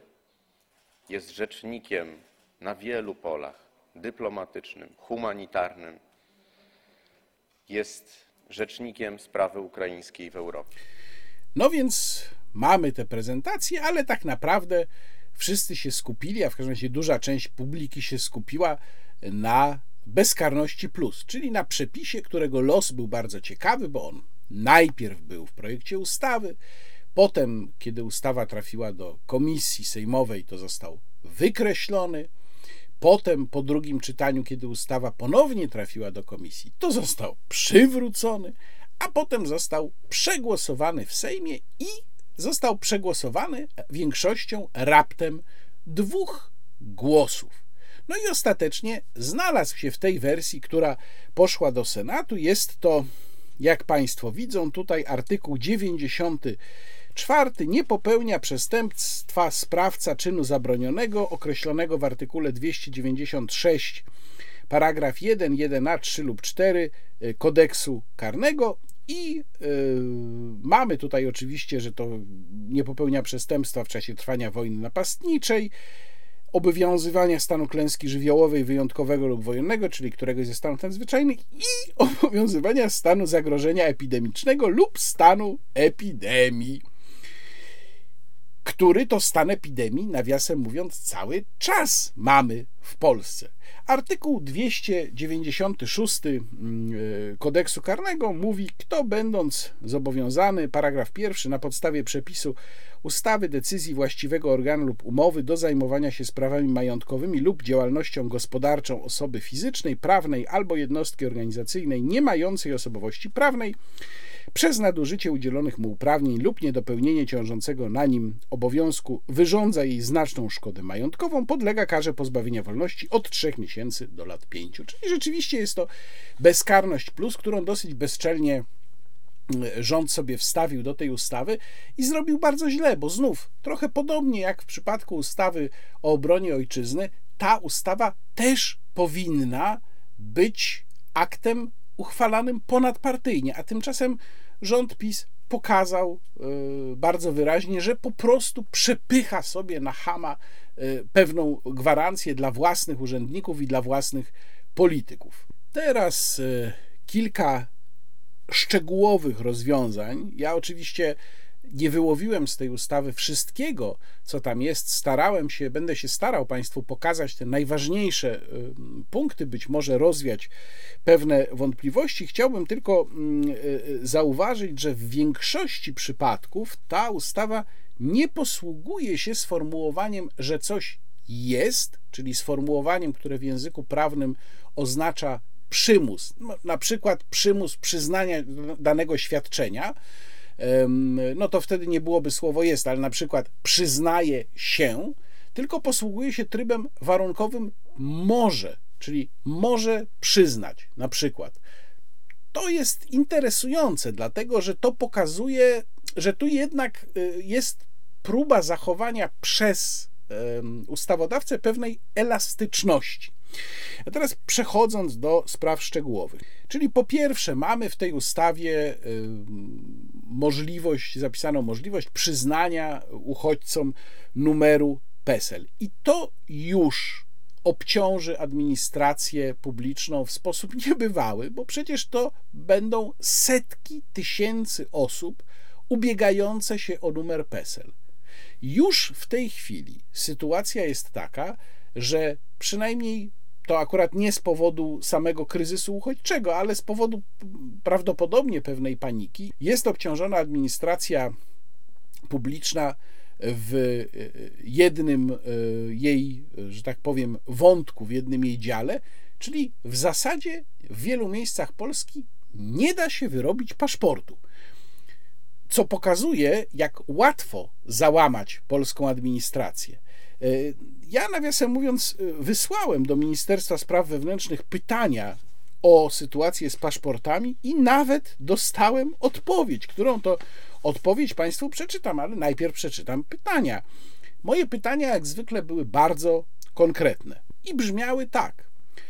Czy ministerstwo potwierdza problemy z możliwością złożenia wniosku o paszport? Tu od razu wyjaśniam, że ja sprawdzałem to w kilku różnych wydziałach paszportowych i w większości po pierwsze jest konieczność zapisywania się zdalnego. Podobno ministerstwo twierdziło, że nigdzie nie ma takiego wymogu. Otóż jest w wielu wydziałach paszportowych i tam właśnie, gdzie są te zdalne zapisy, to nie ma terminów. Albo to są terminy bardzo odległe, albo w ogóle ich już nie ma. Czyli na przykład, jeżeli komuś kończy się paszport po prostu i nie, nie z powodu jakiejś paniki potrzebuje go wyrobić, ale dlatego, że ma na przykład służbowy wyjazd, to go po prostu nie wyrobi. Ponieważ w wielu miejscach, przynajmniej tak jest wokół Warszawy, tak jest w Łodzi, kolejki sięgają miesiące naprzód. No chyba, że pójdzie na miejsce i będzie stał na przykład od 5 rano, tak jak w komunie. Pytałem zatem czy MSW y, potwierdza problemy z możliwością złożenia wniosku o paszport? Jaka według Państwa wiedzy jest skala utrudnień? Jaka jest ich przyczyna? Dlaczego polskie państwo nie jest w stanie obsłużyć zwiększonej liczby wniosków paszportowych? Czy ministerstwo planuje w jakikolwiek sposób rozładować kolejki, na przykład poprzez uruchomienie dodatkowych punktów składania wniosków oraz odbioru dokumentów? I co powinien zrobić obywatel, któremu ważność paszportu się kończy, potrzebuje nowego dokumentu na przykład w ciągu trzech miesięcy, tymczasem państwo nie jest w stanie w tym terminie mu go zapewnić. No i dostałem odpowiedź, którą trudno nazwać inaczej niż odpowiedź na odczepnego, co zresztą nie jest żadnym zaskoczeniem, bo na ogół odpowiedzi od organów administracji państwowej są na odczepnego. I odpowiedź ta brzmi: Panie redaktorze, w związku ze zwiększonym zainteresowaniem składaniem wniosków o wydanie paszportu wojewodowie zostali zobligowani do wydłużenia godzin pracy punktów paszportowych. Każdy wojewoda w swoim regionie będzie reagował w zależności od potrzeb, na przykład otwierając punkty paszportowe również w soboty. Centrum Personalizacji Dokumentów MSWiA dokłada wszelkich starań, by w terminie zrealizować wszystkie wnioski paszportowe. Uruchomiono m.in. dodatkową zmianę weekendową. Podkreślamy, że obecnie zachowany jest miesięczny termin wyrobienia nowego dokumentu paszportowego. Tylko, że to nie jest odpowiedź na moje pytania, ponieważ my nie mamy problemu z terminem wyrobienia paszportu po złożeniu wniosku. My mamy problem ze złożeniem samego wniosku. Wracam do specustawy. Otóż najpierw mamy tutaj artykuł 31, który mówi o tym, że obywatelowi Ukrainy, który otrzymał już ten numer PESEL, jak mu się uda, bo też jestem bardzo ciekaw, jakie będzie, jaki będzie czas oczekiwania na mm, przyznanie tego PESEL-u, przysługuje pomoc w postaci jednorazowego świadczenia pieniężnego w wysokości 300 zł na osobę. No to pomnóżmy sobie przez liczbę uchodźców, którzy napływają do Polski, e, już mamy w tym momencie około 300 milionów. A jak będziemy mieli kolejnych, to będziemy mieli rzecz jasna już na przykład miliard złotych tylko e, z tego jednego świadczenia, a przecież jest ich znacznie więcej. E, dalej, mamy artykuł 13, który mówi o przyznaniu podmiotowi, który zapewni zakwaterowanie i wyżywienie obywatelom Ukrainy świadczenia pieniężnego. Z tego tytułu, na podstawie umowy zawartej z gminą, nie dłużej niż za okres 60 dni, czyli mamy dwa miesiące. No, takie jest przewidywanie, natomiast pytanie, co będzie, jeżeli w ciągu dwóch miesięcy wojna na Ukrainie się nie skończy. Okres wypłaty świadczenia może być przedłużony w szczególnie uzasadnionych przypadkach. Wysokość tej zapomogi nie jest określona w ustawie, ona będzie określona w rozporządzeniu. W Banku Gospodarstwa Krajowego ma powstać fundusz pomocy, czyli znów mamy kolejny fundusz celowy, sposób na wyprowadzanie zadłużenia i, i, i na brak kontroli parlamentarnej nad pieniędzmi.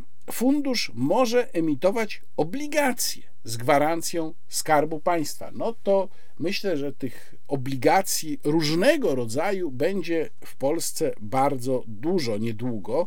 Obronne, na pomoc Ukraińcom i tak dalej, i tak. Dobrą, dobrym rozwiązaniem w tej ustawie jest na pewno uproszczona procedura zatrudniania Ukraińców tylko na takie powiadomienie urzędu, że się zatrudnia Ukraińców. Tak samo pozwolenie na wykonywanie działalności mm, gospodarczej to jest też dobra sprawa. No tutaj trzeba powiedzieć, że pozostaje poczekać i zobaczyć, jak będzie z podejmowaniem pracy przez tych uchodźców, którzy do Polski e, przyjadą, bo rzeczywiście na razie bezrobocie jest względnie niskie, ale to jest na razie. A poza tym struktura uchodźców, którzy przyjeżdżają do Polski, no nie odpowiada temu, gdzie są miejsca pracy. Jeżeli wiemy na przykład, że na Ukrainę wyjechało bardzo wielu kierowców i przez to ucierpiała branża transportowa w Polsce, bo tam około 1 trzeciej kierowców to byli kierowcy właśnie ukraińscy, no to przecież kobiety z dziećmi się nie podejmą tej pracy, czyli one no tutaj nie, nie zastąpią kierowców, a akurat właśnie kierowców brakuje. Mamy w ustawie artykuł 26, który mówi o różnego rodzaju świadczeniach. I tutaj właśnie na przykład jest to słynne 500 plus dla Ukraińców zawarte. Mm, świadczenia rodzinne, o których mowa w ustawie z dnia 28 listopada o świadczeniach rodzinnych. Świadczenie wychowawcze, czyli to właśnie jest 500 plus świadczenia, dobry start, e, rodzinny kapitał opiekuńczy, dofinansowanie obniżenia opłaty rodzica za pobyt w żłobku. Wszystko to bardzo fajnie, tylko ja po pierwsze zastanawiam się, czy to naprawdę jest konieczne. To znaczy, czy naprawdę konieczne jest obejmowanie uchodźców wszystkimi tymi rodzajami świadczeń i po drugie, czy ktoś na litość boską to przeliczył? Bo ja nie słyszałem ze strony rządzących ani jednego wyliczenia mówiącego o tym, ile pieniędzy będzie nas to kosztowało. A sam ten artykuł 26 ustawy to już, jak rozumiem, idzie w grube miliardy. I naprawdę zastanawiam się, czy uchodźcy muszą te wszystkie świadczenia w Polsce otrzymywać. No przepraszam, ale my się po prostu musimy liczyć z własnym budżetem. Dalej mamy artykuł 37. Obywatel Ukrainy, którego pobyt na terytorium Rzeczypospolitej Polskiej jest uznawany za legalny na podstawie artykułu 2 ustęp 1 tej właśnie ustawy jest uprawniony do opieki medycznej udzielanej na terytorium Rzeczypospolitej Polskiej obejmującej świadczenia opieki zdrowotnej na zasadach i w zakresie, w jakim osobom objętym obowiązkowym lub dobrowolnym ubezpieczeniem zdrowotnym przysługuje prawo do świadczeń itd. Tak itd. Tak no, pan premier mówi, że uchodźcy nie są w żaden sposób uprzywilejowani. No, ja jednak uważam, że sytuacja, w której dostają świadczenia na takich samych zasadach jak polscy obywatele, ale nie płacą składek zdrowotnych, jest rodzajem uprzywilejowania. Jak to rozwiązać? No, rzeczywiście uchodźcom nie można przecież odmawiać opieki medycznej, oni ją muszą mieć, ale zwracam znów uwagę, gdyby uchodźcy byli w ośrodkach dla uchodźców, to tam można by im udzielać opieki medycznej, nie wprowadzając takiego rozwiązania. A to jest rozwiązanie bardzo kosztowne. I znów, ponieważ zaczęły się pojawiać sygnały, podkreślam, to są sygnały anegdotyczne, więc ja nie wiem, jak to wygląda, jeżeli chodzi o całościowy obraz ale takie sygnały miałem, mówiące o tym, e, wiarygodne, mówiące o tym, że w niektórych miejscach służba zdrowia przyznała pierwszeństwo uchodźcom i Polacy mają przesuwane zabiegi, e, wizyty u specjalistów, czasem na izbie przyjęć nie mogą się dopchać i czekają dłużej niż uchodźcy. Więc między innymi z tego powodu, ale też z powodu pytań o pieniądze, o koszty takiej opieki medycznej, skierowałem znów kilka dni temu, było to 7 marca, skierowałem pytania do Ministerstwa Zdrowia. Między innymi, a właściwie i teraz przeczytam Państwu, o co pytałem. Czy Ministerstwo Zdrowia jest w stanie oszacować, w jakim stopniu wzrośnie w związku z sytuacją obciążenie systemu opieki zdrowotnej. Miałem na myśli to, ilu dodatkowych pacjentów system opieki zdrowotnej będzie musiał, że tak powiem, zaabsorbować. O ile to obciążenie wzrosło już teraz, czyli jaką liczbę uchodźców system już obsłużył, obsługuje. Ilu dodatkowych pacjentów jest w stanie zaabsorbować i obsłużyć system podstawowej opieki medycznej czy Ministerstwo Zdrowia ma plan awaryjny w związku z napływem dodatkowych pacjentów? Czy wiadomo, o ile wydłuży się termin oczekiwania na wizytę u najpopularniejszych specjalistów? W związku z docierającymi do mnie sygnałami chciałbym się dowiedzieć, czy prawdą jest, że ukraińscy pacjenci, w tym dzieci, uzyskali w placówkach opieki medycznej pierwszeństwo przed pacjentami polskimi. Czy Ministerstwo Zdrowia ma informacje na temat tego, jakiej liczbie polskich pacjentów odwołano lub przesunięto zabiegi lub wizyty ze względu na napływ uchodźców? I ostatnie pytanie: czy Ministerstwo Zdrowia dysponuje szacunkami, o ile wzrosną koszty ochrony zdrowia w związku z sytuacją? Jak powiadam, wysłałem te pytania 7 marca. Do tej pory nie otrzymałem odpowiedzi. Oczywiście, w momencie, kiedy będzie się zbliżał dwutygodniowy termin udzielenia takiej odpowiedzi, to się Państwu z Ministerstwa Zdrowia uprzejmie przypomnę. E, dalej mamy w tej ustawie możliwość ubiegania się przez tych, którzy już otrzymali numer PESEL, ubiegania się o zezwolenie na pobyt czasowy do trzech lat. Mamy też specjalną subwencję na kształcenie.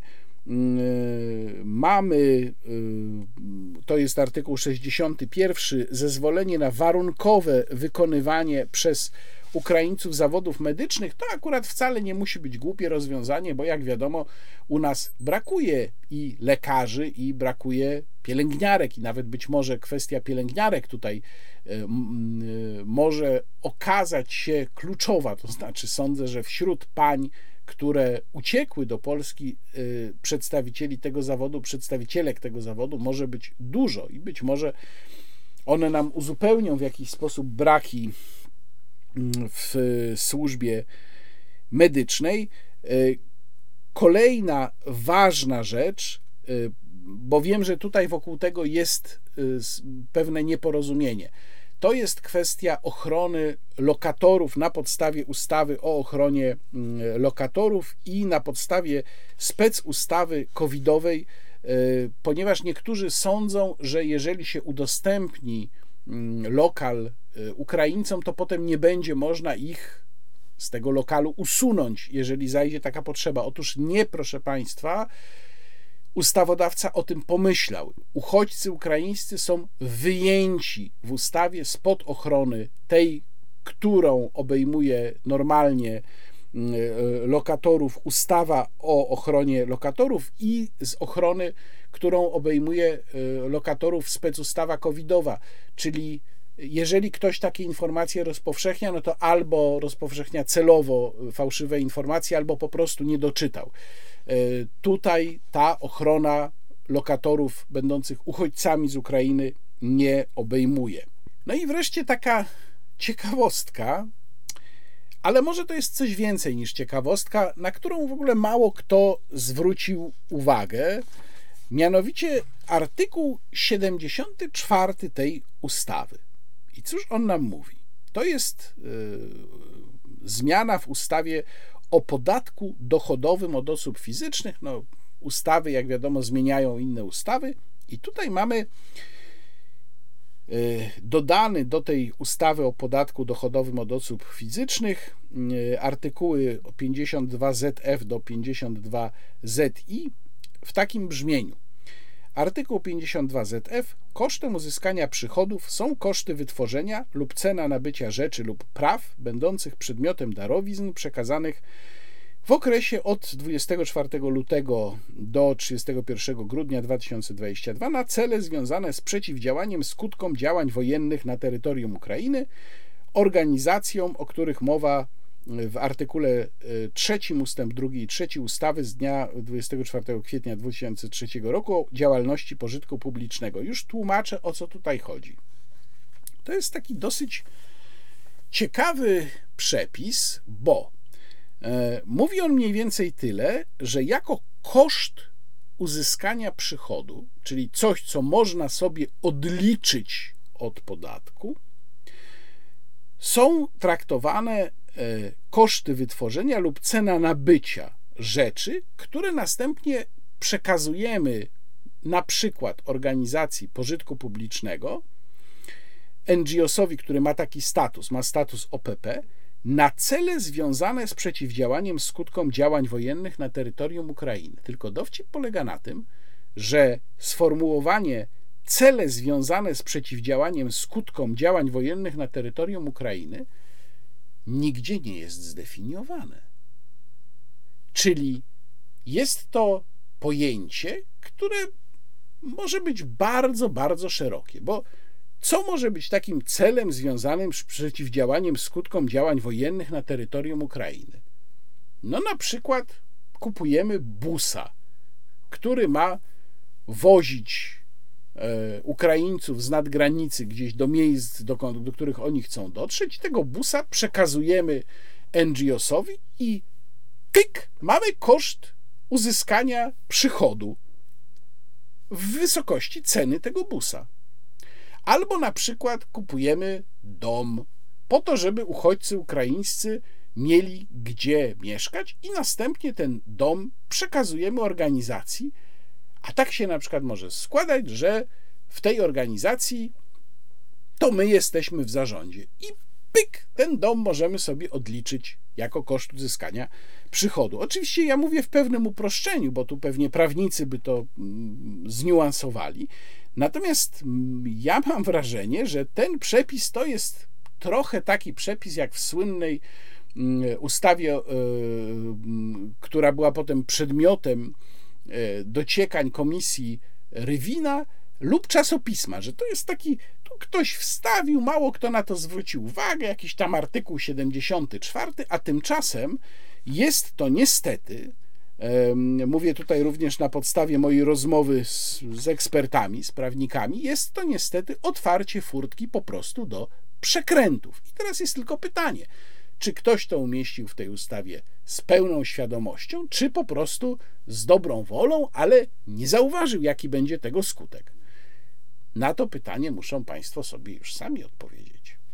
Wreszcie kolejna kwestia związana z napływem uchodźców e, na którą już niektórzy specjaliści zwracają uwagę. Jeżeli ci ludzie tutaj zostaną, a powiadam, to może być dopiero początek, bo my mamy niespełna półtora miliona, za chwilę możemy mieć dwa, potem możemy mieć trzy, no jakoś będziemy musieli wreszcie zacząć tych ludzi po Europie rozdysponowywać, ale jednak oni tutaj w dużej mierze zostaną. I jest możliwość, o tym mówiłem na początku konfliktu, że Ukraińcy będą mieli dobry wpływ na naszą demografię, to również dzieci ukraińskie, które tutaj przyjechały, być może tutaj już zostaną, wybiorą życie w Polsce i to może być pozytyw.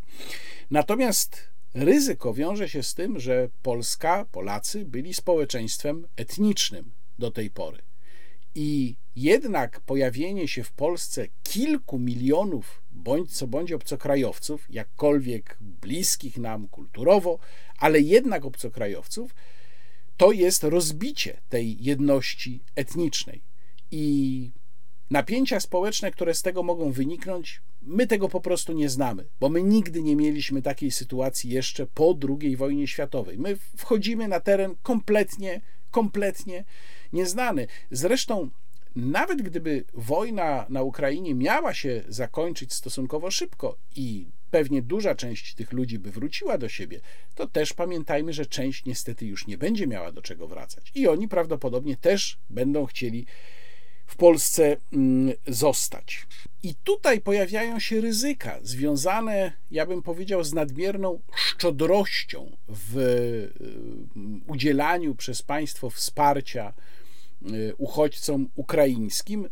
Przykładem takiej nadmiernej szczodrości jest ta historia z 650 lokalami budowanymi przez Polski Fundusz Rozwoju jako inwestora, budowanymi w ramach programu Mieszkanie Plus. To jest historia już sprzed prawie dwóch tygodni, bo ta sprawa się pojawiła na samym początku konfliktu, ale ja o niej w poprzednim wideoblogu nie mówiłem. Y, ona się przewijała po mediach społecznościowych, jakoś tak została wyciszona. Myślę, że warto ten przykład podać jako takiej nadgorliwości gorszej od wiecie Państwo czego.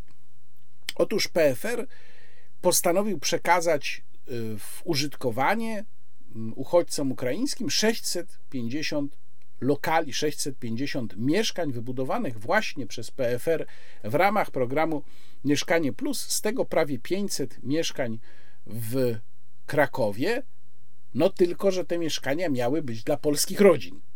I polskie rodziny się dowiedziały, że ich teraz nie dostaną. Ja w związku z tym skierowałem do PFR pytania i PFR mi odpowiedział, i tu chciałbym Państwu przeczytać te odpowiedzi. E, no, najpierw jest taki wstęp, jak zwykle. Dziękujemy za wiele przejawów pozytywnego odzewu w odpowiedzi na komunikat dotyczący bla, bla, bla, bla, bla, bla. Niewyobrażalny dramat, to sobie darujmy. Teraz czytam pytania i odpowiedzi. Jaka jest forma własności tych lokali? Kto jest deweloperem i inwestorem? Inwestycja została sfinansowana ze środków Funduszu Mieszkań dla Rozwoju i to fundusz jest jej właścicielem. To jest y, fundusz, który jest y, funduszem y, podłączonym pod PFR. Czy lokale są całkowicie wykończone? Lokale posiadają pomalowane ściany, panele lub płytki na podłodze oraz tak zwany biały montaż. Tutaj muszę dodać, że jeszcze PFR zadeklarował, że te lokale doposaży dla uchodźców, czyli oni tam dostaną jakieś e, lodówki, mm, szafki, nie wiem, pralki, zmywarki i tak dalej. Może zmywarek to nie dostaną, ale, ale lodówki pewnie e, dostaną. Co oznacza użyte w komunikacie określenie udostępni? Wolne mieszkania, odpowiada PFR, w Krakowie, Dębicy, Mińsku Mazowieckim, znajdujące się w zasobie PFR nieruchomości zostaną we współpracy z urzędami wojewódzkimi przekazane do użytku uchodźcom z Ukrainy na okres 6 miesięcy jako doraźna pomoc. No dobrze, na okres 6 miesięcy. A co po tych 6 miesiącach? No i to jest bardzo ciekawe pytanie. Kto podjął decyzję o udostępnieniu mieszkań, w jakiej formie prawnej ta decyzja została podjęta i na jakiej podstawie prawnej? Była to wspólna decyzja Polskiego Funduszu Rozwoju, PFR Nieruchomości i Fundacji PFR. No ale na jakiej podstawie prawnej to już mi nie odpowiedziano. Podstawy prawnej moim zdaniem po prostu nie ma. Y, na jaki czas mieszkania mają zostać udostępnione? Mieszkania zostaną udostępnione na okres 6 miesięcy. No ale właśnie, a co po tych sześciu miesiącach? Czy, kiedy i w jakiej formie, pytałem, powiadomiono o tej decyzji polskich obywateli, którzy zakwalifikowali się do programu Mieszkanie Plus i mieli otrzymać lokale obecnie przeznaczone dla uchodźców?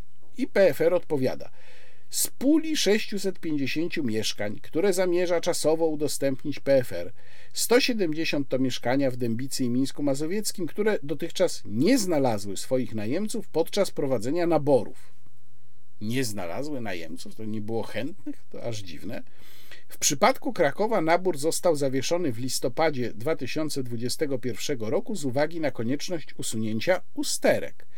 Nabór miał być kontynuowany po usunięciu usterek, co było planowane w ciągu kilku kolejnych miesięcy.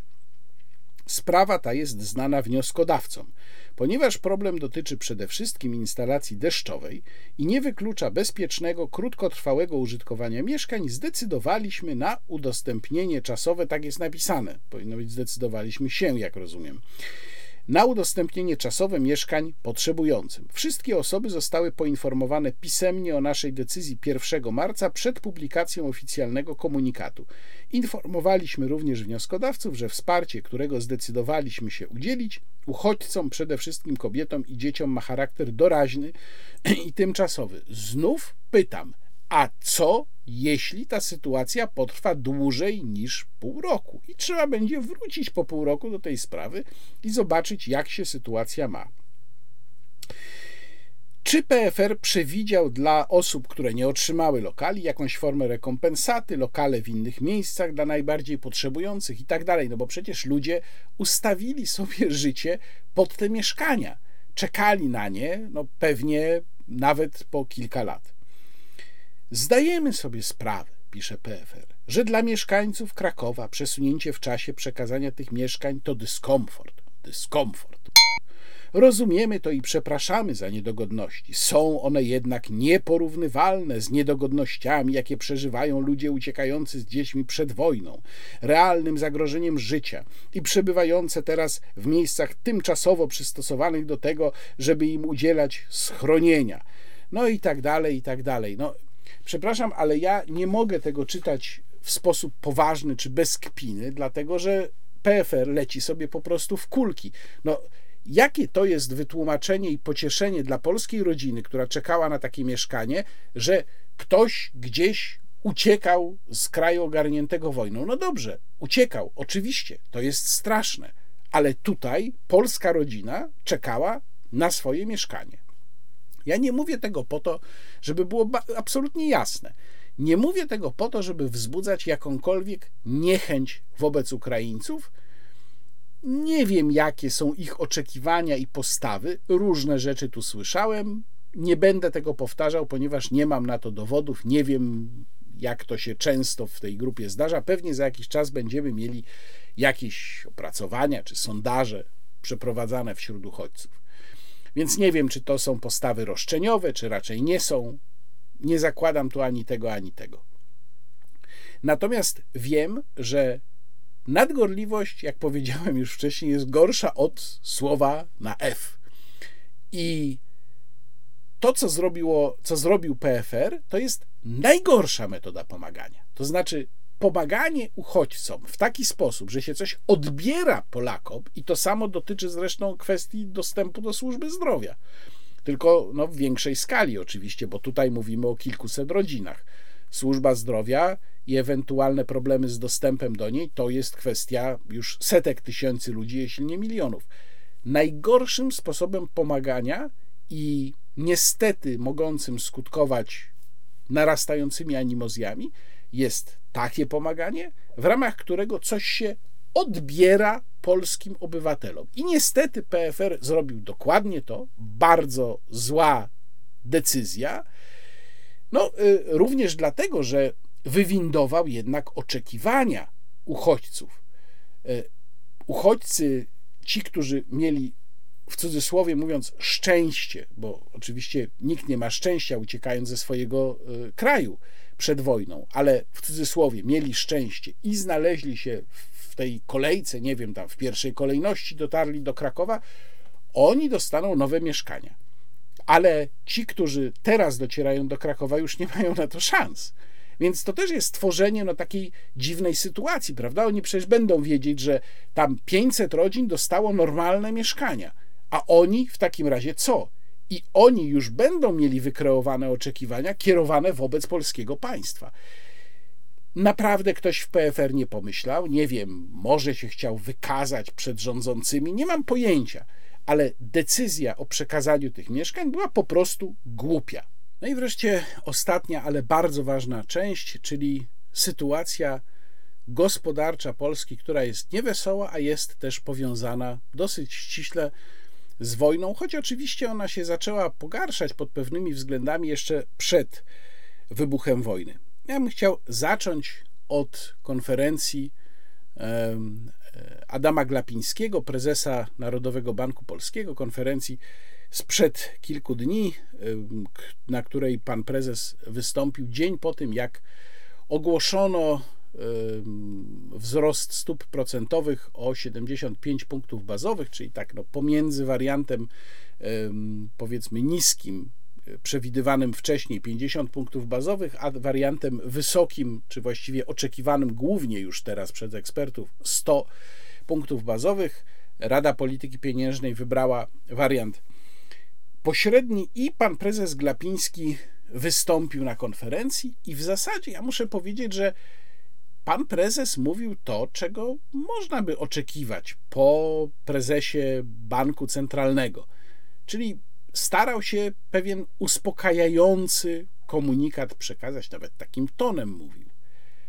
Ale pewne, jakby to powiedzieć, wtręty, e, dygresje, które w jego wystąpieniu były zawarte i w ogóle cała postać pana prezesa Glapińskiego no, są tak specyficzne, że niestety moim zdaniem ten uspokajający ton przegrał z resztą tego wystąpienia, y, które było, wliczając w to pytania dosyć długie, bo trwało to godzinę, prawie godzinę i 15 minut. Ja bym chciał Państwu tutaj pokazać dosłownie tylko kilka momentów z tego wystąpienia, takich powiedzmy bardziej efektownych lub, chyba to jest lepsze określenie, szczególnie ekstrawaganckich. Proszę zobaczyć.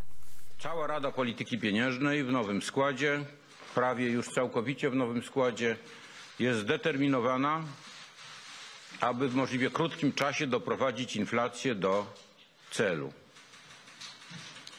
I będziemy w tym konsekwentni i nieustępliwi.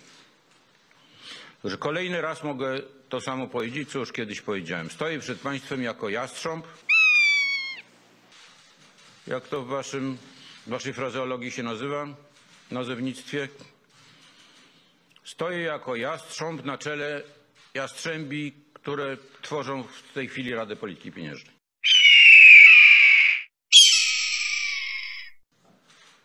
Z pełną odpowiedzialnością mogę powiedzieć, że cała Rada Polityki Pieniężnej jest zdeterminowana żeby jak najkrócej, zgodnie z kanonami sztuki, polityki pieniężnej, doprowadzić inflację do normalnego poziomu do przyjęcia. Oczywiście sytuacja jest trudna. My te projekcie przedstawiamy, ale one mają ograniczoną. To tak jak prognozy pogody prawie, że proszę Państwa. No oczywiście nasze są bardziej racjonalne, przewidywalne i sprawdzalne. My podajemy też stopień e, prawdopodobieństwa. Ale prognozy pogody nie kłamią, nie są błędne. One biorą pod uwagę dane z danego momentu. A potem może nastąpić spadek meteoru i wszystko się zmieni, albo wybuch wulkanu, albo wybuch wulkanu, albo wybuch wulkanu.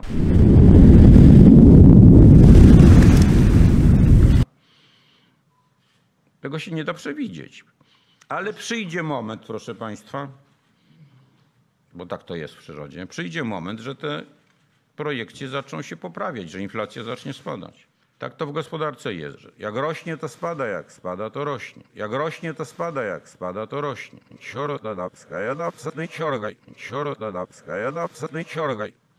Inaczej niż w cyklu życia, gdzie się starzejemy. Także jak coś maleje, to rośnie. Także jak coś maleje, to rośnie. Także jak coś maleje, to rośnie. W tym wypadku inflacja bardzo wzrosła i będzie maleć.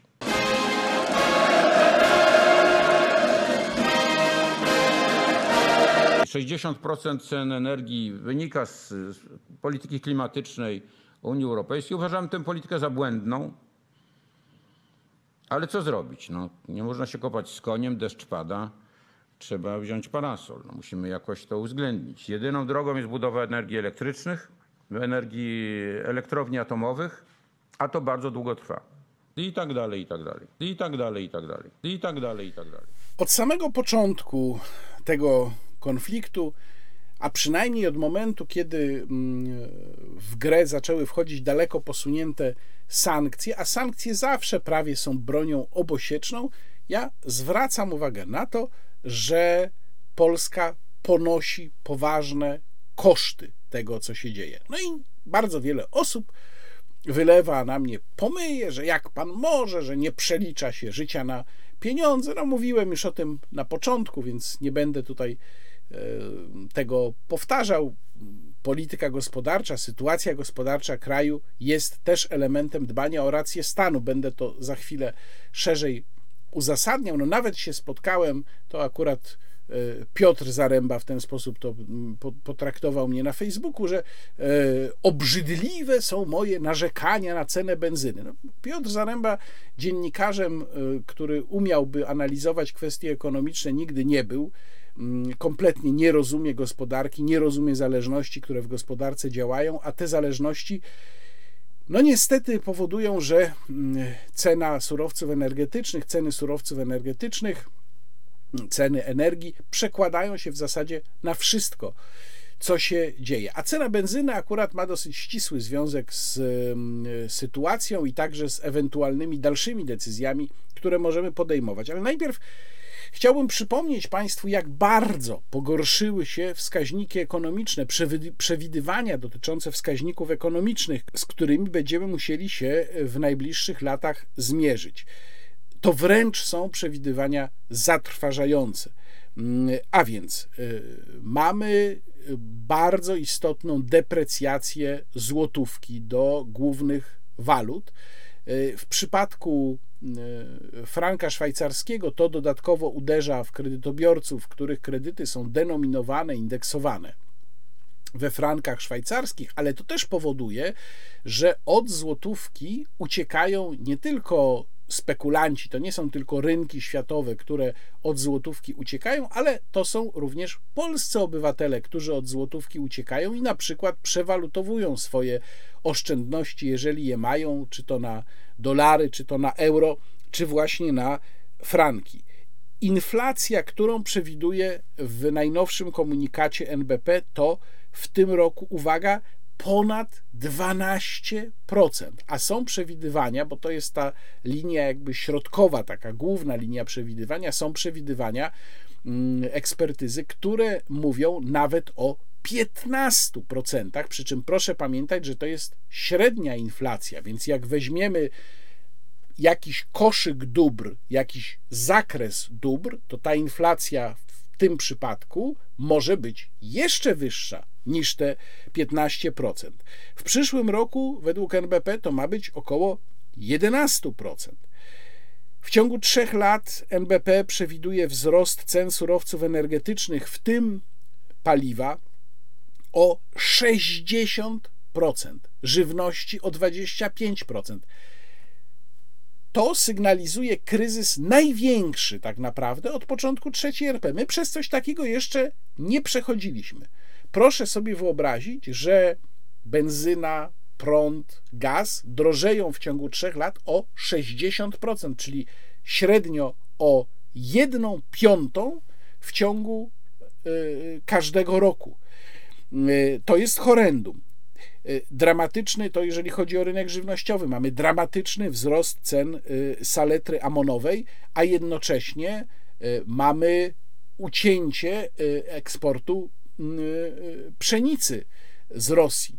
NBP ogłasza, tak jak powiedziałem, wzrost stóp procentowych, co powoduje, że dramatycznie pogarszają się warunki kredytobiorców złotówkowych. Tu nawiasem mówiąc, warto zauważyć, że mamy ze stopami procentowymi sytuację taką, jaka występuje na stacjach benzynowych, czyli jeżeli złotówka słabnie lub drożeje baryłka ropy, to ceny na stacjach dosłownie w ciągu godziny idą w górę, ale kiedy baryłka ropy tanieje, co się ostatnio akurat zdarzyło, i kiedy złotówka nabiera trochę mocy, no to wtedy ewentualnie jakaś obniżka za wiele dni. Zawsze to tak działa. I ze stopami procentowymi mamy podobnie. Jeżeli chodzi o podwyżkę stóp procentowych w przypadku kredytów, to natychmiast banki podnoszą na potęgę, jak tylko NBP podniesie stopę referencyjną. Ale jeżeli chodzi o oprocentowanie kont i depozytów, no to tutaj ledwo, ledwo coś tam się ruszyło. To jest prawie że na dnie. Yy, ale jeżeli mówimy o dostępności kredytów i o kosztach dla kredytobiorców złotówkowych, bo w zasadzie już w tej chwili kredyty w Polsce się bierze tylko w złotówkach, no to yy, brak dostępności kredytów, bo tu też warto zauważyć, że NBP mm, zaapelował do banków, żeby przy wyznaczaniu zdolności kredytowej brały pod uwagę jeszcze wyższą, dużo wyższą niż obecna podwyżkę stóp procentowych, czyli tak jakby, żeby brały duży zapas, wyznaczając zdolność kredytową, określając zdolność kredytową kredytobiorców, czyli krótko mówiąc, sprowadza się to do tego, że po prostu dużo mniej osób będzie miało zdolność kredytową, a to oznacza, że dużo mniej osób będzie stać na mieszkanie. A to z kolei oznacza plajtę rynku budowlanego, sektora budowlanego czyli mamy uderzenie we wszystkich podwykonawców, w producentów armatury różnego rodzaju. Cały ten sektor siądzie, a to jest bardzo ważny dla gospodarki sektor. Nic dziwnego, że zrewidowana prognoza wzrostu PKB mówi już tylko o około 3% wzrostu PKB, to jest bardzo mało, od trzeciego kwartału 2022 roku, a analitycy zwracają uwagę, że historycznie taki poziom wzrostu PKB, tak niski poziom wzrostu PKB, PKB w Polsce, to był poziom, kiedy jednocześnie już zaczynało rosnąć bezrobocie. Mamy w tej chwili wciąż bezrobocie bardzo niskie. No to ma znaczenie, jeżeli myślimy o przyjmowaniu do pracy uchodźców, ale jeżeli ta prognoza się spełni, no to będziemy mieli za chwilę problem, bo po prostu będziemy mieli wzrost bezrobocia. Y, wyższe ceny energii, przede wszystkim wyższe ceny paliwa, to jest ogromny impuls inflacyjny. To nie jest tylko to, że y, będziemy mieli grozę w oczach tankując, ale przecież to są skutki dla całej gospodarki. Transport robi się w tym momencie tak drogi, że jakaś część firm z sektora TLS, czyli transport, y, logistyka, spedycja, po prostu przestanie działać, bo to będzie już zwyczajnie nieopłacalne. E, już teraz zresztą ten sektor ma problemy właśnie z powodu kierowców ukraińskich, którzy wyjechali walczyć za swój kraj. E, więc będziemy mieli oczywiście e, ogromny wzrost cen towarów na półkach, w sklepach, po prostu, no bo to się wiąże ze wzrostem cen benzyny. Będziemy mieli wzrost cen usług komunalnych, bo usługi komunalne to również jest benzyna, no chociażby wywożenie śmieci, prawda? E, będziemy mieli problem z ludźmi, którzy mieszkają w rejonach wykluczonych komunikacyjnie, a takich regionów w Polsce jest całkiem dużo, i którzy musieli polegać na swoich samochodach, żeby dojechać do pracy. I tych ludzi po prostu nie będzie stać na dojechanie do pracy. Oni będą albo brali zwolnienia, dopóki mogą, albo się zwolnią z pracy, bo może się też okazać, że zarabiają zbyt mało, żeby opłacało im się płacić za benzynę i dojeżdżać do pracy, no bo wyjdą w zasadzie powiedzmy na zero. To są skutki yy, tych zjawisk gospodarczych, z którymi mamy do czynienia, których yy, jakaś liczba osób, tych, co mówią właśnie, jak pan tu może o tym paliwie ciągle, oni ich po prostu nie rozumieją, nie zdają sobie sprawy z tego, że jak się wszystkie te zjawiska zgromadzi razem, to mamy sytuację, w której możemy się cofnąć, jeżeli chodzi o poziom życia, o dekadę albo dwie. Na pytanie, co w takim razie można zrobić, starałem się odpowiedzieć w tekście w, na portalu Onet, gdzie wskazałem kilka takich możliwych działań do wykonania. To między innymi był nacisk rządu na firmy, spółki Skarbu Państwa zajmujące się produkcją energii, w tym również produkcją paliw, żeby ścięły maksymalnie swoje marże. Tutaj zdaje się, że e, kombinują niestety e, koncerny paliwowe, podnosząc marże zamiast je ścinać, ale przede wszystkim rząd powinien uwolnić w tym momencie gospodarkę, a uwolnienie gospodarki to i to zależy wyłącznie od rządu, to jest Pierwsza sprawa to jest skasowanie polskiego ładu. 9% składki zdrowotnej, coś co dobija przedsiębiorców, oni w tej chwili otrzymują ciosy już ze wszystkich stron i wielu z nich po prostu zakończy działalność. Nie wiem, dlaczego rząd y, w ogóle nie zajmuje w tej sprawie stanowiska. To znaczy, ja jestem dosyć przerażony tym, że wśród wypowiedzi, które się pojawiały, w zasadzie nie ma takich, które by się odnosiły do gospodarki. Tak jakby temat nie istniał. No poza jakimiś zupełnie pojedynczymi, kiedyś tam już dobrych parę dni temu Mateusz Morawiecki wspomniał, że no, będziemy jakieś tam pakiety pomocowe konstruować. Nic o tym nie wiadomo, nie ma, nie, nie ma żadnych wieści, nie wiadomo, co miało w tych pakietach być, ani kiedy w ogóle cokolwiek rząd zaprezentuje. No i mm, w miarę niedawno pan minister Dworczyk stwierdził, że no tak, no będzie ciężko, będzie ciężko, no niestety, koszty trzeba ponieść. Więc y, likwidacja polskiego ładu, cofnięcie do poprzedniego systemu, no to absolutnie rząd mógłby zrobić, ale tematu nie ma. Idealiści uważają, że te koszty warto ponieść, żeby przycisnąć Putina. No to jest błędne rozumowanie. Ja opisałem, na czym ten błąd polega w tekście w magazynie Kontra. Y, tekst zatytułowałem Czy da się zapłacić w sklepie człowieczeństwem? I pisze tam między innymi o tym, że potęgę państwa w dzisiejszym świecie buduje się, zresztą tak zawsze właściwie było, buduje się na dwóch fundamentach: na silnej gospodarce i na silnej armii.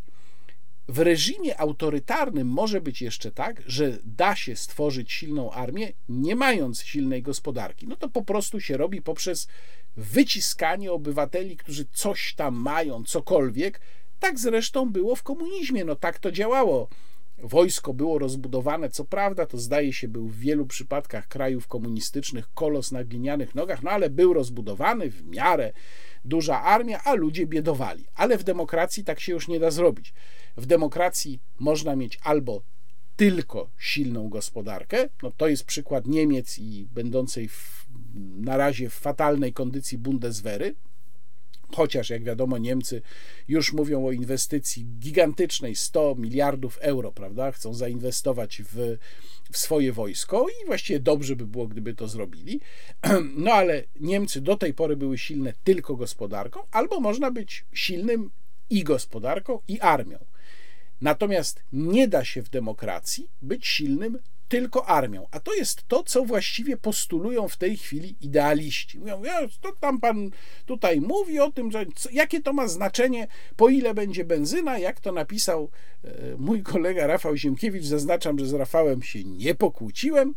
E, wszystko mi jedno, niech benzyna będzie po 10 zł, byle nie była ruska.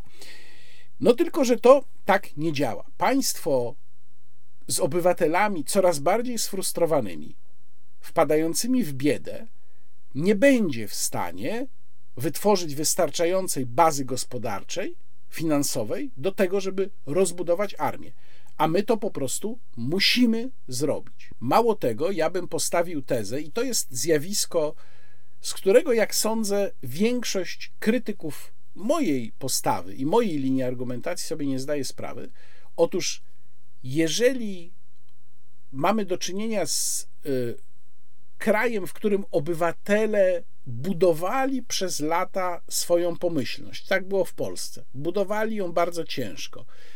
I zobaczyli w pewnym momencie, że już trochę zaczynają doganiać tę końcówkę peletonu zachodniego, że już tam prawie, prawie są na poziomie tych biedniejszych, ale jednak już z, tego, z tej głównej grupy państw Zachodu, i w tym momencie im to nagle odjeżdża bo się dzieje coś takiego jak teraz, to poziom frustracji, zniechęcenia, niechęci do państwa, które nie potrafiło temu zapobiec, będzie bardzo duży, będzie dużo większy niż wtedy, kiedy mamy do czynienia z państwem, które gdyby no powiedzmy cały czas jest ubogie, tak? Dużo, dużo gorzej działa na psychikę, dużo gorzej działa w, w ramach psychologii społecznej sytuacja, w której ludzie nagle tracą to, czego się dorobili. Nagle zjeżdżają po tej drabinie zamożności. I to nie są sprzyjające warunki do tego, żeby budować silną armię, żeby budować silne państwo, to niestety będzie oznaczało, że jeżeli my się tak osłabimy gospodarczo, to nasz wróg wystarczy, że trąci nas paluszkiem i nas już nie będzie. I ja rozumiem tę argumentację, którą niektórzy wysuwają, mówiąc, musimy zrezygnować teraz, już, natychmiast z rosyjskich e, gazu i ropy, bo póki je kupujemy, to płacimy Putinowi, a Putin tym zasila swoją armię, czyli no niejako kręcimy bicz na własne plecy. Ale ja uważam, że to jest złe postawienie sprawy. To znaczy, że ważniejsze jest w tej chwili, żebyśmy my się nie zarżnęli finansowo jako państwo, niż żeby nie dotować w ten sposób Putina. Bo to my jesteśmy na pierwszej linii i my ponosimy największe koszty tego, co się dzieje. Być może, gdybyśmy byli na miejscu geograficznym, na miejscu Hiszpanii, Francji, Irlandii, to moglibyśmy sobie na to pozwolić. Ale właśnie będąc tu, gdzie jesteśmy, nie możemy sobie pozwolić na to, żeby nasze społeczeństwo zostało w ciągu dosłownie kilku lat skrajnie spauperyzowane, bo stracimy wtedy zdolność do skupienia się na budowaniu naszej siły militarnej.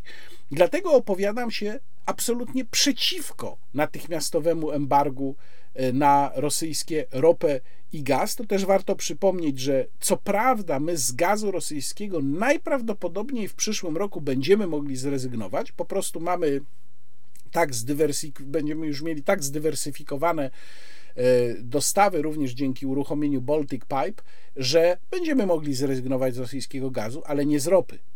A to jest właśnie cena benzyny, o której mówiłem. Ropa to jest rosyjska ropa to jest 67% tego wyjątkowo dużo y, w, na tle y, Unii Europejskiej. 67% y, ropy, surowca przetwarzanego w Polsce i tego na razie nie ma czym zastąpić. Ja oczywiście też liczę na to, że nastąpi porozumienie z Iranem i z Wenezuelą, ale jego na razie nie ma. To jest kwestia prawdopodobnie miesięcy. Dla Polski w tej chwili takie sankcje to by była katastrofa. Ale jest dobra wiadomość, ponieważ na te sankcje nie godzą się i Holandia, i Niemcy, i Bułgaria, i Węgry. I właściwie my w tej sytuacji moglibyśmy tylko stanąć za nimi i powiedzieć: No, trudno, nie godzą się, to się nie godzą, prawda? Cóż my możemy na to poradzić? I tak by zrobiło państwo, które myśli kategoriami racji stanu. Będzie bardzo dobrze, niech oni blokują. My nie będziemy się wysuwać jako ci blokujący, ale też nie będziemy ich przekonywać, żeby z tej blokady zrezygnowali. Ale jeżeli ja czytam, że w polskim rządzie pojawiają się pomysły, żeby Polska jednostronnie zrezygnowała z rosyjskich ropy i gazu i to natychmiast, to łapię się za głowę i mówię, ci ludzie właściwie dążą do zdrady stanu. Co dałaby jednostronna rezygnacja Polski z rosyjskich surowców? Przecież w ogóle nie uderzyłaby w Rosję. Jeżeli ktoś mi mówi, że to byłby piękny przykład, inni podążą za tym przykładem, to przepraszam, jest durnym idealistą. Nic takiego nie nastąpi, natomiast my sami się zarżniemy. Dlatego mam nadzieję, że do tego nie dojdzie i powtarzam na koniec, bo za chwilę już przechodzę do zupełnie innego działu i powtarzam na koniec, że Polska dostaje czas. My musimy ten czas zachować, musimy go dla siebie zdobyć, czyli musimy być bardzo ostrożni.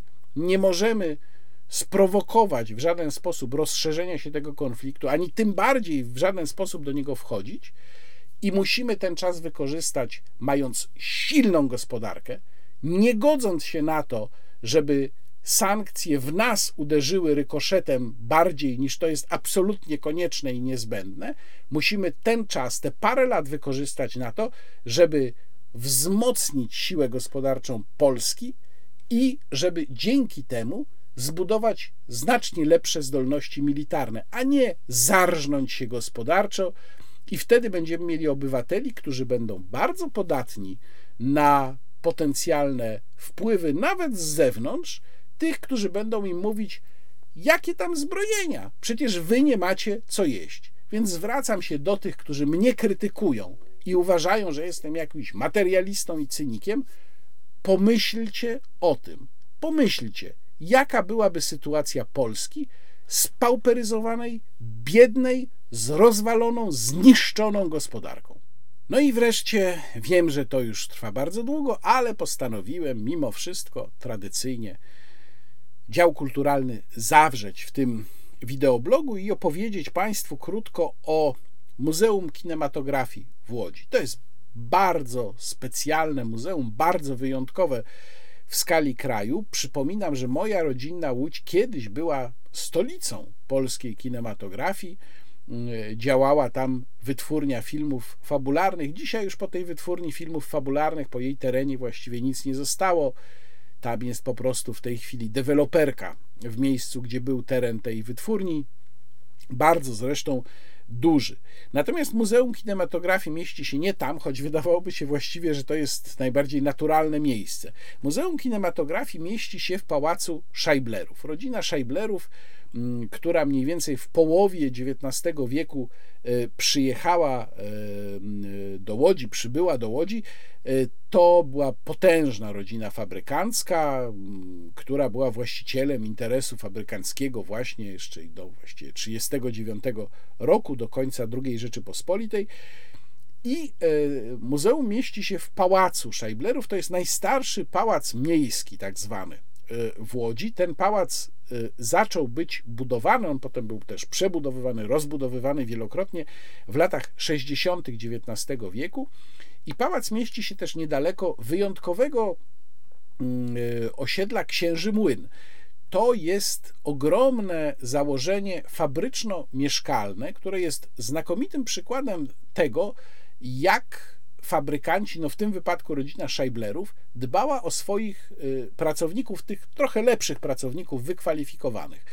To są czasy, y, które socjaliści nazywają czasami dzikiego kapitalizmu, a tymczasem Scheiblerowie doskonale wiedzieli, że swoim pracownikom, zwłaszcza właśnie tym bardziej wykwalifikowanym, tym, których wykształcenie też kosztowało przecież przygotowanie do konkretnych zawodów w szwalniach, muszą zapewnić dobre warunki.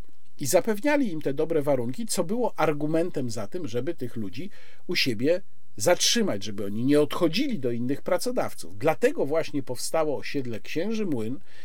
Ci ludzie mieli tam całkiem przyzwoite, jak na ówczesne standardy, mieszkania, mieli tam ochronkę dla dzieci, mieli pewien system ubezpieczeń, mieli własną straż pożarną, mieli szpital mieli nawet specjalne sklepy z cenami niższymi niż w mieście. Czyli cały system zachęt do tego, żeby ci pracownicy pracowali cały czas dla rodziny Scheiblerów. Natomiast muzeum w pałacu Scheiblerów mieści się od 1986 roku na parterze, e, przechodząc przez kolejne pomieszczenia, zobaczymy historię kinematografii od pierwszych kamer filmowych, od pierwszych projektorów, poprzez historię łódzkich kin, poprzez historię kina w Polsce, w drugiej zwłaszcza e, e, Rzeczy Pospolitej, jest mnóstwo zabytków i to nie są kopie, tylko to są oryginały, z czego jeszcze w dodatku duża część pracująca. Mm, niektóre zresztą to są obiekty interaktywne, gdzie można zobaczyć, jak taki projektor, odtwarzacz e, pracuje. Na piętrze mamy wystawę Łódź Filmowa. I na tej wystawie jest opowieść i o łódzkiej filmówce, łódzkiej szkole filmowej, i o Łodzi w ogóle jako mieście e, filmu. Szczególnie tutaj zwracałbym Państwa uwagę na mapę. Jest tam taka e, schematyczna mapa łodzi, na której są orientacyjnie oczywiście, bo to nie jest bardzo dokładne, e, poumieszczane plakietki z nazwami filmów, gdzie jakie filmy kręcono.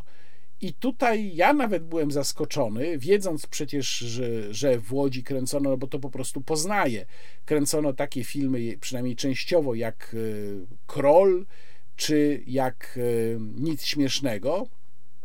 to akurat łódzki tak zwany Manhattan zagrał w filmie Nic Śmiesznego, ale na przykład nie wiedziałem, że jakieś sceny do zakazanych piosenek kręcono w Łodzi. No, oczywiście Wabank, to Łódź, też wiadomo, ale nawet do Krzyżaków gdzieś tam pod Łodzią kręcono sceny, więc no, to jest bardzo interesująca mm, mapa. Polecam Muzeum Kinematografii. W Muzeum Kinematografii zresztą jest również kino, takie kino studyjne. Można pójść przy okazji do kina.